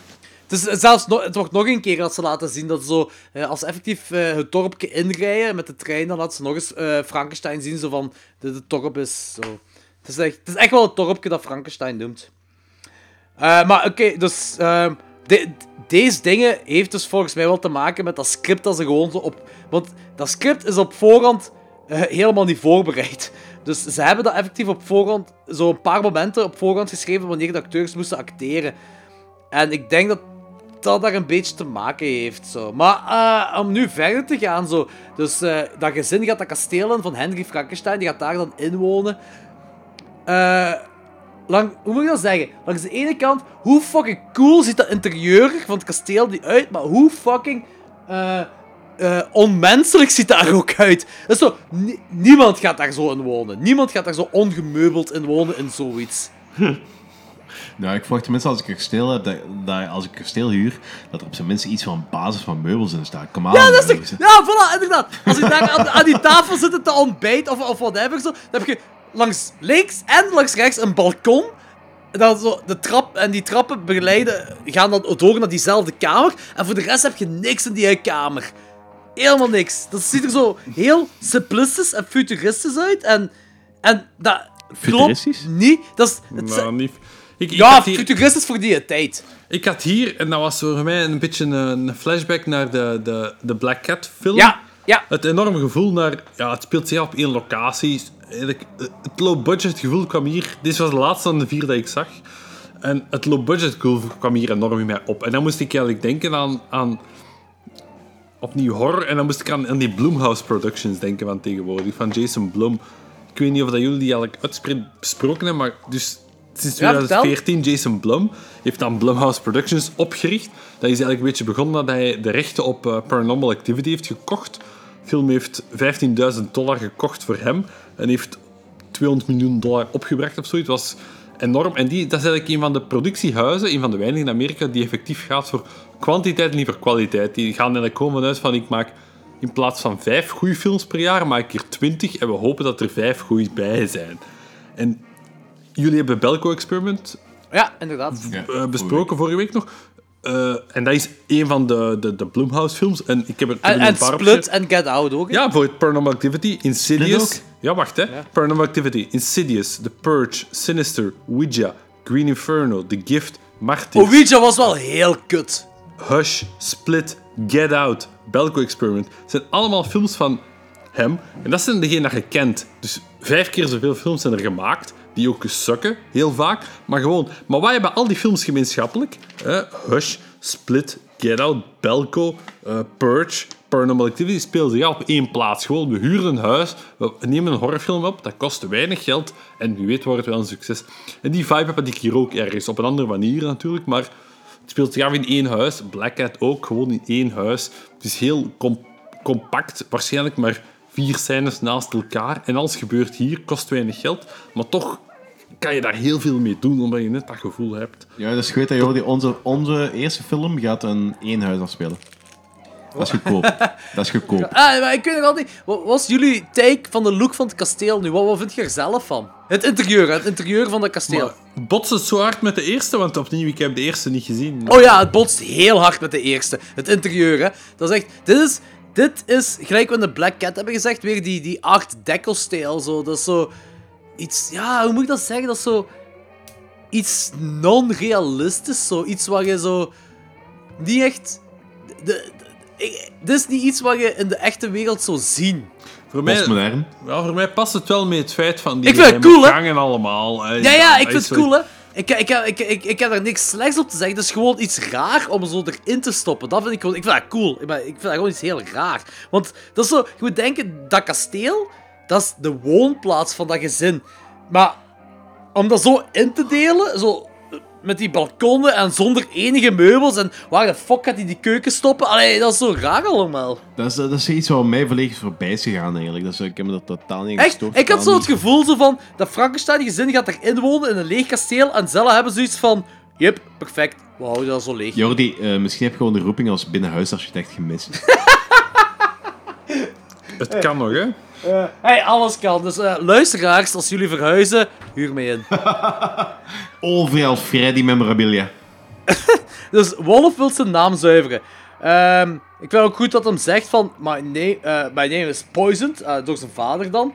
En ehm, dan zegt ze zo... Wat zou er helpen als ik mijn naam zou veranderen in Smit? En op dat moment dacht ik echt van... Ja, dat zou inderdaad helpen zo. Dus jij zit zo de vloek van, van, van, van uw dorp. U, nu, dat is hetzelfde gelijk als de zoon van Dutroux terug zou gaan naar zijn geboortedorp.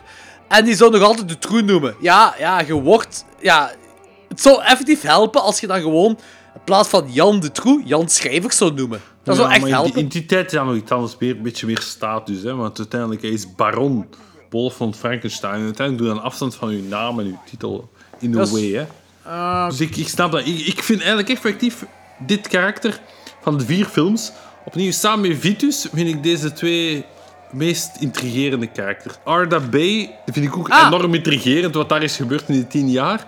Vitus vind ik gewoon heel intrigerend van, ja oké, die is aan dat kamp ontsnapt en nu komt hij eindelijk terug. Waarom komt hij nu pas terug en hoe is zijn doel? En opnieuw, dat vind ik twee geweldig intrigerende karakters van wat is er vooral gebeurd voor de film. Van wat is de aanloop naar daar en het feit dat je dat dan gedeeltelijk Ja? nog iets meer ontdekt tijdens de film van wat is er ervoor gebeurd. En opnieuw, bij alle twee vol- kon er nog iets meer. Ik denk dat ze daar alle twee een film van een uur en drie kwartier of twee uur van maakt, dat je nog mee flashbacks of mee iets meer aanloop of Wow, iets meer... wow, nog- Wilt je nu zeggen dat je Son of Frankenstein nog langer wou laten eh, duren? Nee, nee, nee, nee, net niet. Nee, nee, nee, net niet. Ah, oké. Maar ik bedoel, ik bedoel eh, A Black Cat en, eh, Ah. en de andere twee. En de Mummy. Dat je bij, niet dat dat moet, hè, maar de Mummy zou je bij, bijvoorbeeld met hebt, die periode, ik heb het al gezegd, hè, ik zou echt die tien jaar, ik vind dat heel boeiend. Maar wat daar gebeurd is. En bij Ja, Black. Cat vind ik ook... zeggen, eh, een de prikkel, prikkel doen van, van die tien jaar. Ja. Hoeft niet, hè, maar ik vind het wel intrigerend. En bij The Black Cat vind ik ook de periode van Vitus tussendoor heel intrigerend. Niet dat dat Tussendoor of se- zelfs de oorlog? Ja, gewoon alles. En niet dat dat per se moet in de film heb ik zelf. Maar ik blijf het interessant vinden. Maar hier vind ik ook... Hier vind ik het meer de evolutie van Wolf van Frankenstein in de film zelf. Op het moment dat hij aankomt, op het moment dat het eindigt, is zo'n karakter-evolutie dat je in geen een van deze vier films ziet, vind ik. En dat vind ik heel sterk aan deze film. Dat karakter Oké, dat snap ik wel. evolueert echt van een karakter dat aankomt, dat eigenlijk zich bijna schaamt voor wie hij is, die bijna zijn achternaam niet zou durven zeggen, die aankomt, die, die allemaal die dorpelingen ziet en zegt van oh nee, wat is dit? Ik schaam mij voor wat mijn vader gedaan heeft. Dit kan echt niet. En dan spreek je over anderhalf uur of twee uur later en dan is dat echt iemand die zijn vader geworden is. En dat vind ik heel sterk. Hoewel, en geloofwaardig, want je zou dat ook kunnen forceren, maar hier, ik volg die evolutie wel. Ik, dat vond ik Nee, nee, nee, nee, aan nee, de. Ik heb, over de evolutie heb ik echt niks aan te merken. Dat is inderdaad, daar, daar geef ik ook gelijk in. En dat is ook hetgeen wat werkt in deze film, sowieso. Ja, ja, ja. Maar ik had gewoon zoiets van, als hem zegt zo van, eh, hij wil zijn naam zuiveren. Ah, hij wil hij wilt niet gelinkt worden aan de gruweldaden van zijn vader op begin. In het begin, in het begin Ja. Ja. Ja, en dan zegt hij, ik vond het gewoon grappig dat hij zegt van, wat moest ik, mijn naam veranderen in Smit? En ik had, toen had ik echt zoiets van, ja, Ja, dat, zou grappig. inderdaad helpen, dat zou helpen, ja, inderdaad. Maar inderdaad, eh, het, eh, dat is het punt van de film. Voor mij is het sterke van effectief de, de zoon die erft van zijn vader en gaat naar daar en ondervindt wat zijn vader heeft misdaan, daar afstand van wilt nemen, dan het ontdekt, geïntrigeerd geraakt en effectief zijn vader wordt. Dat vind ik heel sterk hierin. En dat, is nog, dat staat los van, zelfs van het monster zelf, maar dat vind ik het heel sterke daarin. En dat is dan nog los van het verhaal van Igor en het monster, dat effectief nog een ander verhaal is daarnaast. Wat daar ik deze film heel sterk vind, ik vond dat samen met The Black Cat de beste van de, de vier, die, die, die dubbele lijn, dat daar is die evolutie van die Ja, karakter. dat begrijp ik. Dat begrijp ik. Eh, en, allee, om dan terug te gaan op het monster, want hij wil, allee, Wolf wil dat het monster terug opwekken, levend maken. Ah ja, wakker maken, want die ligt in de koop. Ja. Die ligt in de koop, maar, allee, jij hebt nu de, de vorige films niet gezien, Thomas, maar Danny. Ja. Moest het monster normaal niet dood zijn na Bride of Frankenstein? Ja, daar ging ik wel van uit eigenlijk. Waarom? Omdat in Bride of Frankenstein heeft hij zijn eigen leven opgeofferd om eh, alles en iedereen kapot te maken en te laten ontploffen in het kasteel. Oké. Ja. En hoe verklaart je dat dit? Niet eigenlijk. Ehm, Omdat het moest voor de film. ja, ik denk voor, voor, voor, voor voorbestaan van de serie. Kijk, dat, dat is wel een beetje de fout wat Universal doet. Universal die gaat met eh, al die Frankenstein-films gaat die door op het monster. Terwijl Hammer, eh, ik weet niet of, hoe jullie bekend zijn met de Hammer horrorfilms, maar Hammer die gaat door op Frankenstein, op de dokter zelf. De sequels gaan verder op de dokter. En dat is een veel slimmere aanpak. Het is eigenlijk een beetje gelijk de Reanimator films. Maar je verliest dat wel, eh, meneer Boris, hè? Ja, ja, tuurlijk, inderdaad. Ja, alhoewel, Boris kon Ah, wel. natuurlijk ook wel de dokter spelen in de sequels. Want blijkbaar maakt het niet uit wie dat een personage speelt en hoe dat een personage noemt. En dat, dat, ja, dat is gelijk Igor, whatever. Er was geen Igor in de vorige films. En er was geen Bela Lugosi in de vorige Frankenstein-films. Maar, dus het maakt toch allemaal niet uit. Voor Universal. Ik vond het wel cool dat eh, op het moment dat hij. eh, ah, ik vond, ik vond het eerst heel stom als. eh je hebt dan zo Igor, dat. dat ding is dat de wolf van Frankenstein wil vermoorden. En dan legt hij helemaal uit wie Igor effectief is en bla bla. En zegt hij, ja, ik heb u iets te laten zien. En dan gaan ze die kamer binnen dat, waar het monster ligt te slapen. En die, of ja, in een coma ligt of whatever. En eh, die komt daar binnen. En die ziet dat niet. Die ziet, dat, is zo, dat is een gigantisch monster wat daar ligt. En die ziet dat niet. En dan eh, ja, wijst eh Bela Lugosi, Igor, die, laat het effectief nog eens expliciet het monster. Zo, en dan verschiet hij zich zo van... Wow, oh, dude, echt. Toen je binnenkwam moest je die gezien hebben. Dat kan niet anders. Dat kan niet anders. Maar ik vond het wel cool dat eh, wanneer die, die, die hart gaat checken en zo, dat hem zo die he's alive zegt. Dat. Die quote, want zat u in de tweede film is die ook, hè? Of niet? Eh, in de tweede film wordt hem heel anders aangepakt, maar het is vooral van de eerste film. Het is vooral van Frankenstein, hè. Ja, maar ik vind, ik vond... Het voelde enerzijds geforceerd aan, het moest er ook in. Anderzijds Ik vond het de tweede was keer wel mooi geforceerd. omdat... Dat, wat? De tweede keer vond ik geforceerd, want eh, dan gaat Ja. hem tegen de inspecteuren zeggen van He's alive, he's alive! En toen heb ik gezegd van, ah, oké, nu is het wel gespeeld. Ja, oké, ja, ja. Maar de eerste keer vind ik het wel tof. Ja, voilà, inderdaad, ja. De eerste keer vond ik het ook tof. Het monster zelf. Eh, wat vind je van de look van... Oké, Thomas, voor u is het heel nieuw. Danny is al bekend met Frankenstein Monster ondertussen. Wat vond je van, van hoe het monster eruit zag? We zijn nu al een paar jaar verder. Ik denk dat op dit moment Boris Karloff 51 jaar is. Maar, ai, dat boeit mij allemaal niet zo. Ik vond, ik- waarom draagt hij een wollen trui? Dat vond ik heel raar. Misschien omdat hij koud heeft. Maar Maar is er eigenlijk zo'n sig- significant verschil tussen zo ehm, Frankenstein uit uh, Bride Frankenstein en deze? In mijn hoofd is het, het monster is niet zo een persoon dat zich gaat omkleden en zich eh, met het weer bezighoudt. Misschien heeft hij zich aangesloten bij Amnesty International, is zijn hele mening over de hele wereld veranderd. En wat, wat, Ik wat, weet vind, het echt niet. wat vind je ervan dat hij plots niet meer spreekt? Want een Bride Frankenstein heeft hem leren spreken, hè? Een- Bride En nu is het terug Dat zo- dat een stomme ik- kerel. Ja, nee, dat, dat vind ik niet oké. Ja, en, en ze zeggen ook zo, want, want ehm, dan heb je zo, ehm, die wolf van Frankenstein is hem aan het onderzoeken en die zegt van, oh, die hartslag gaat zoveel sneller en bla bla bla allemaal. En hij heeft twee kogels in zijn hart, maar hij leeft toch. Fout! Hij werd in zijn schouder beschoten. In Bride of ik weet niet, Danny, ik weet niet of je je nog herinnert, maar in Bride of Frankenstein zit het monster, die redt daar een, eh, een meisje uit de rivier. Exact. En dan heb je twee jagers en die schieten hem in zijn schouder. En nu heeft hij plots twee kogels in zijn hart. Gaat het over dezelfde schoten? Ja, wel kan. Er is voor de rest, tussen die schoten en dit, dit moment, is er niks over eh, geweren gesproken. Ja, ik heb... eh, daar heb ik geen flauw idee over. Dus. Maar ik heb sowieso het idee dat er zo redelijk wat... Um, Leaps of Fate niet is woord, maar zo gewoon zo'n paar sprongen genomen zijn die niet echt heel logisch zijn. Ja, helemaal niet logisch. Het klopt helemaal niet.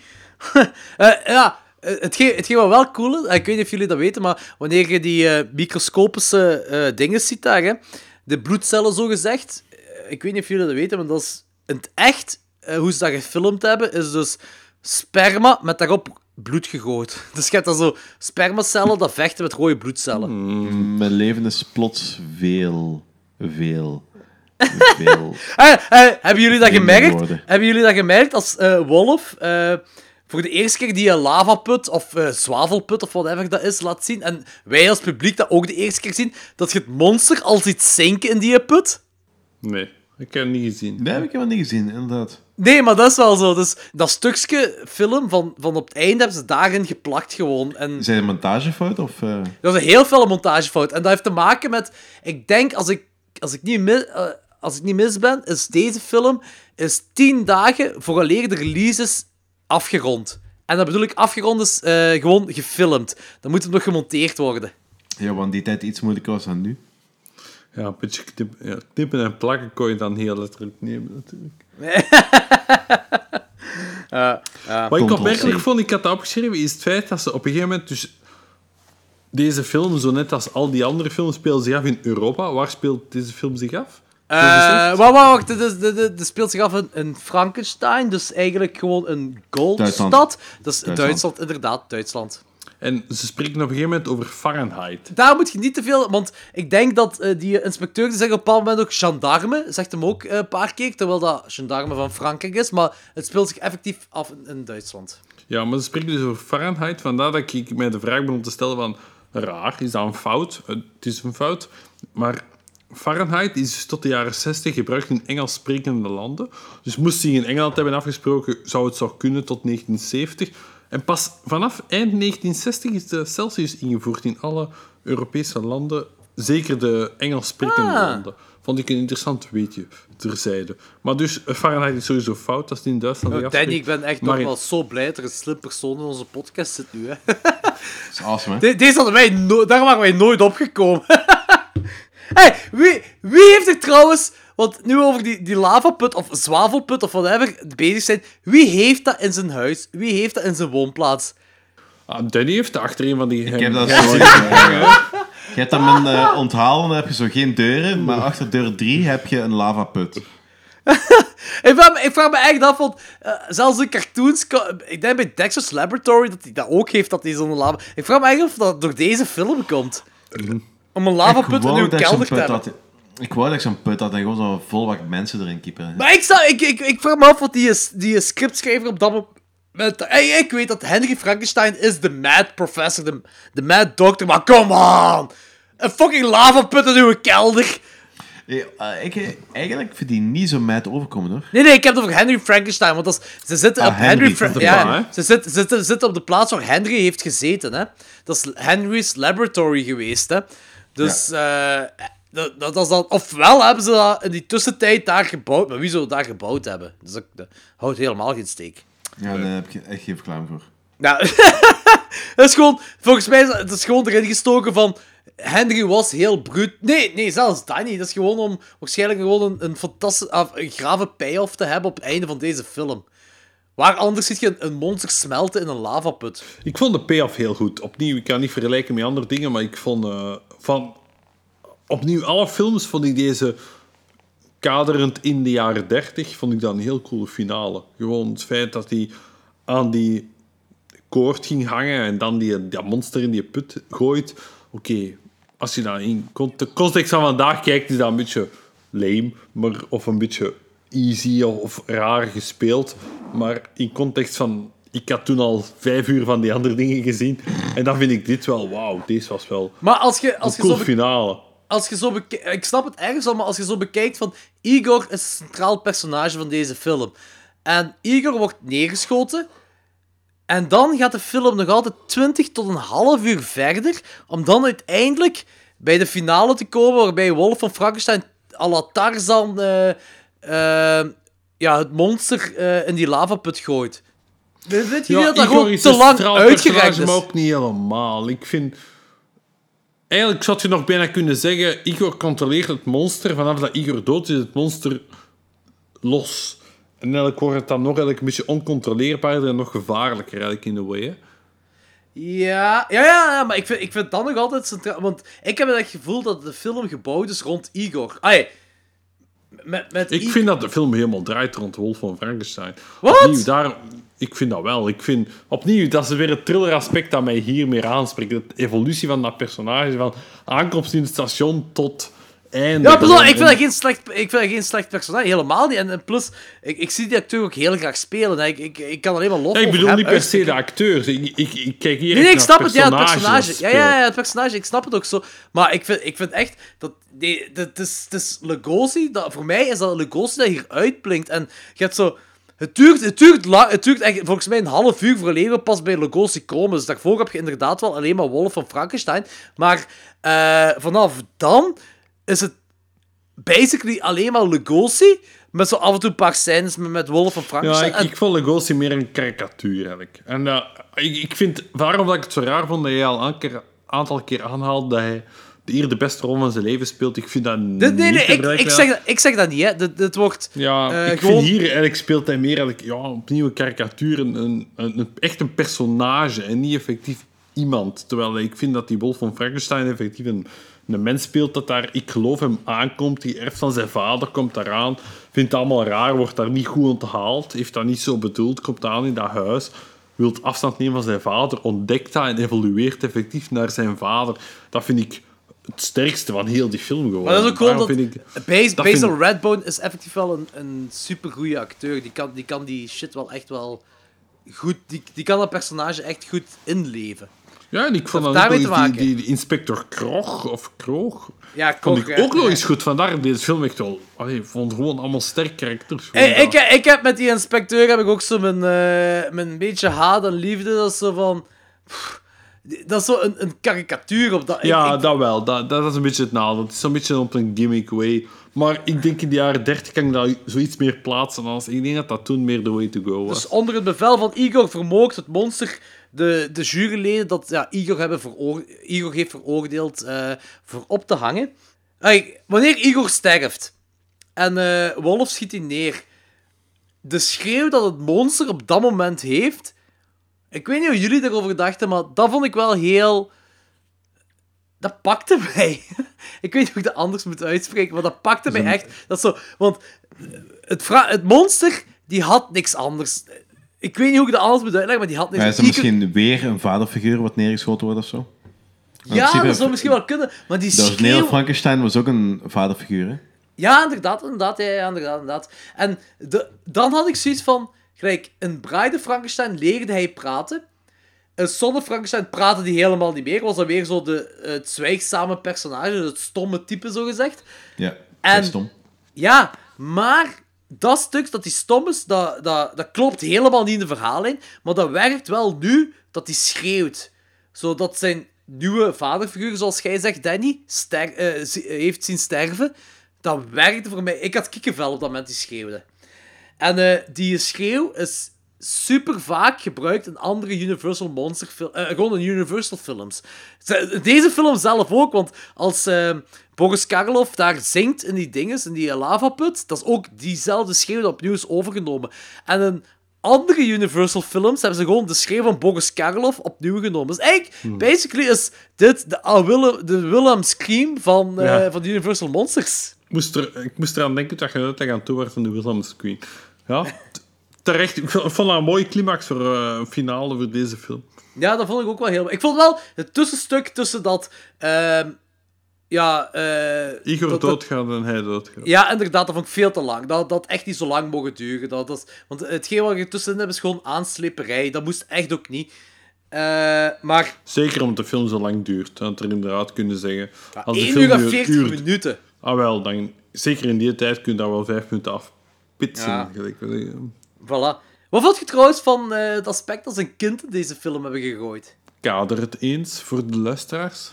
Oké, dus eh eh, Wolf van Frankenstein heeft ook nog een kind. Dat is eigenlijk de kleinzoon van He- eh, Henry Frankenstein. En die gaat dus mee met het gezin en ze wonen dan in het, in het kasteel van Henry Frankenstein. En ze hebben, ze hebben dat erin gegooid zodat eh, het monster het kind kan ontvoeren, zodat er een climax kan ontstaan met, met eh, Wolf van Frankenstein en zo. Gelijk in alle andere Universal Monster films ook gebeurd. We hebben het ook gezien bij, bij Dracula's Daughter, dat, dat, eh, dat de Countess de verloofde steelt. En we hebben het ook gezien bij Bride of Frankenstein, dat ook weer de verloofde wordt gepikt door het monster.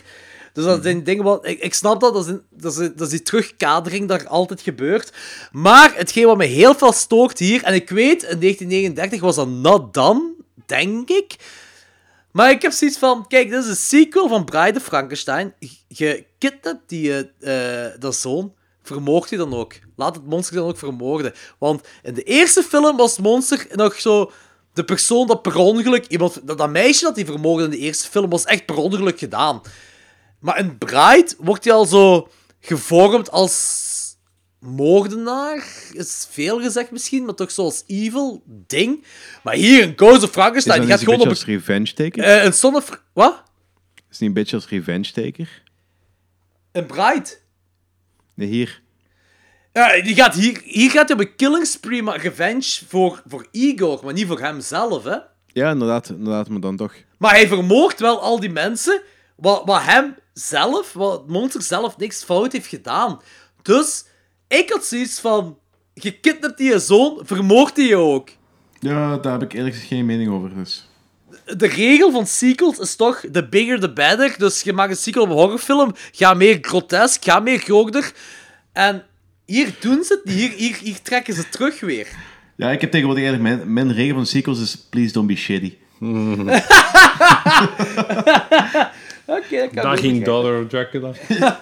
Je hebt je final battle tussen Igor en, en, eh, en Wolf. En dan heb je je final battle tussen het monster. Het laatste wat we hebben van deze film is Wolf. eh, Wolf von Frankenstein geeft de sleutel aan, eh, van het kasteel aan de dorpsgenoten. En eh, hij heeft in mijn ogen de naam Frankenstein dan gered. Eh, ja, dat is... Ja. Oké, de, dorpel, de dorpelingen die juichen hem toe als ze hem het dorp verlaat. En ik heb dat altijd verondersteld dat ze naar hem juichen, omdat hem eigenlijk ja, het dorp gered heeft, zal ik maar zeggen, van het monster. Ook wel een beetje blij zijn dat hem weg is. Laat even eerlijk zijn, eh, mensen zijn heel koppig, mensen veranderen heel langzaam. Ze gaan niet twee dagen geleden, persoon X de lucht eh, gewoon echt uitscheldt tot, tot eindigen. Of vervolgens twee dagen later de lucht en de prijzen. Dat gebeurt niet, is realiteit. Oké, ratings, vertel maar. Eh, voor mij is het eh, ergens tussen 8 en 9. Ja, heel hoog. Holy shit! Ik vond deze goed. Ik denk dat ik op 8,5 ga settelen. Ik vond dat gewoon een heel goede film. Had het, de, de, de pure spanning van de, de Black Cat misschien net niet.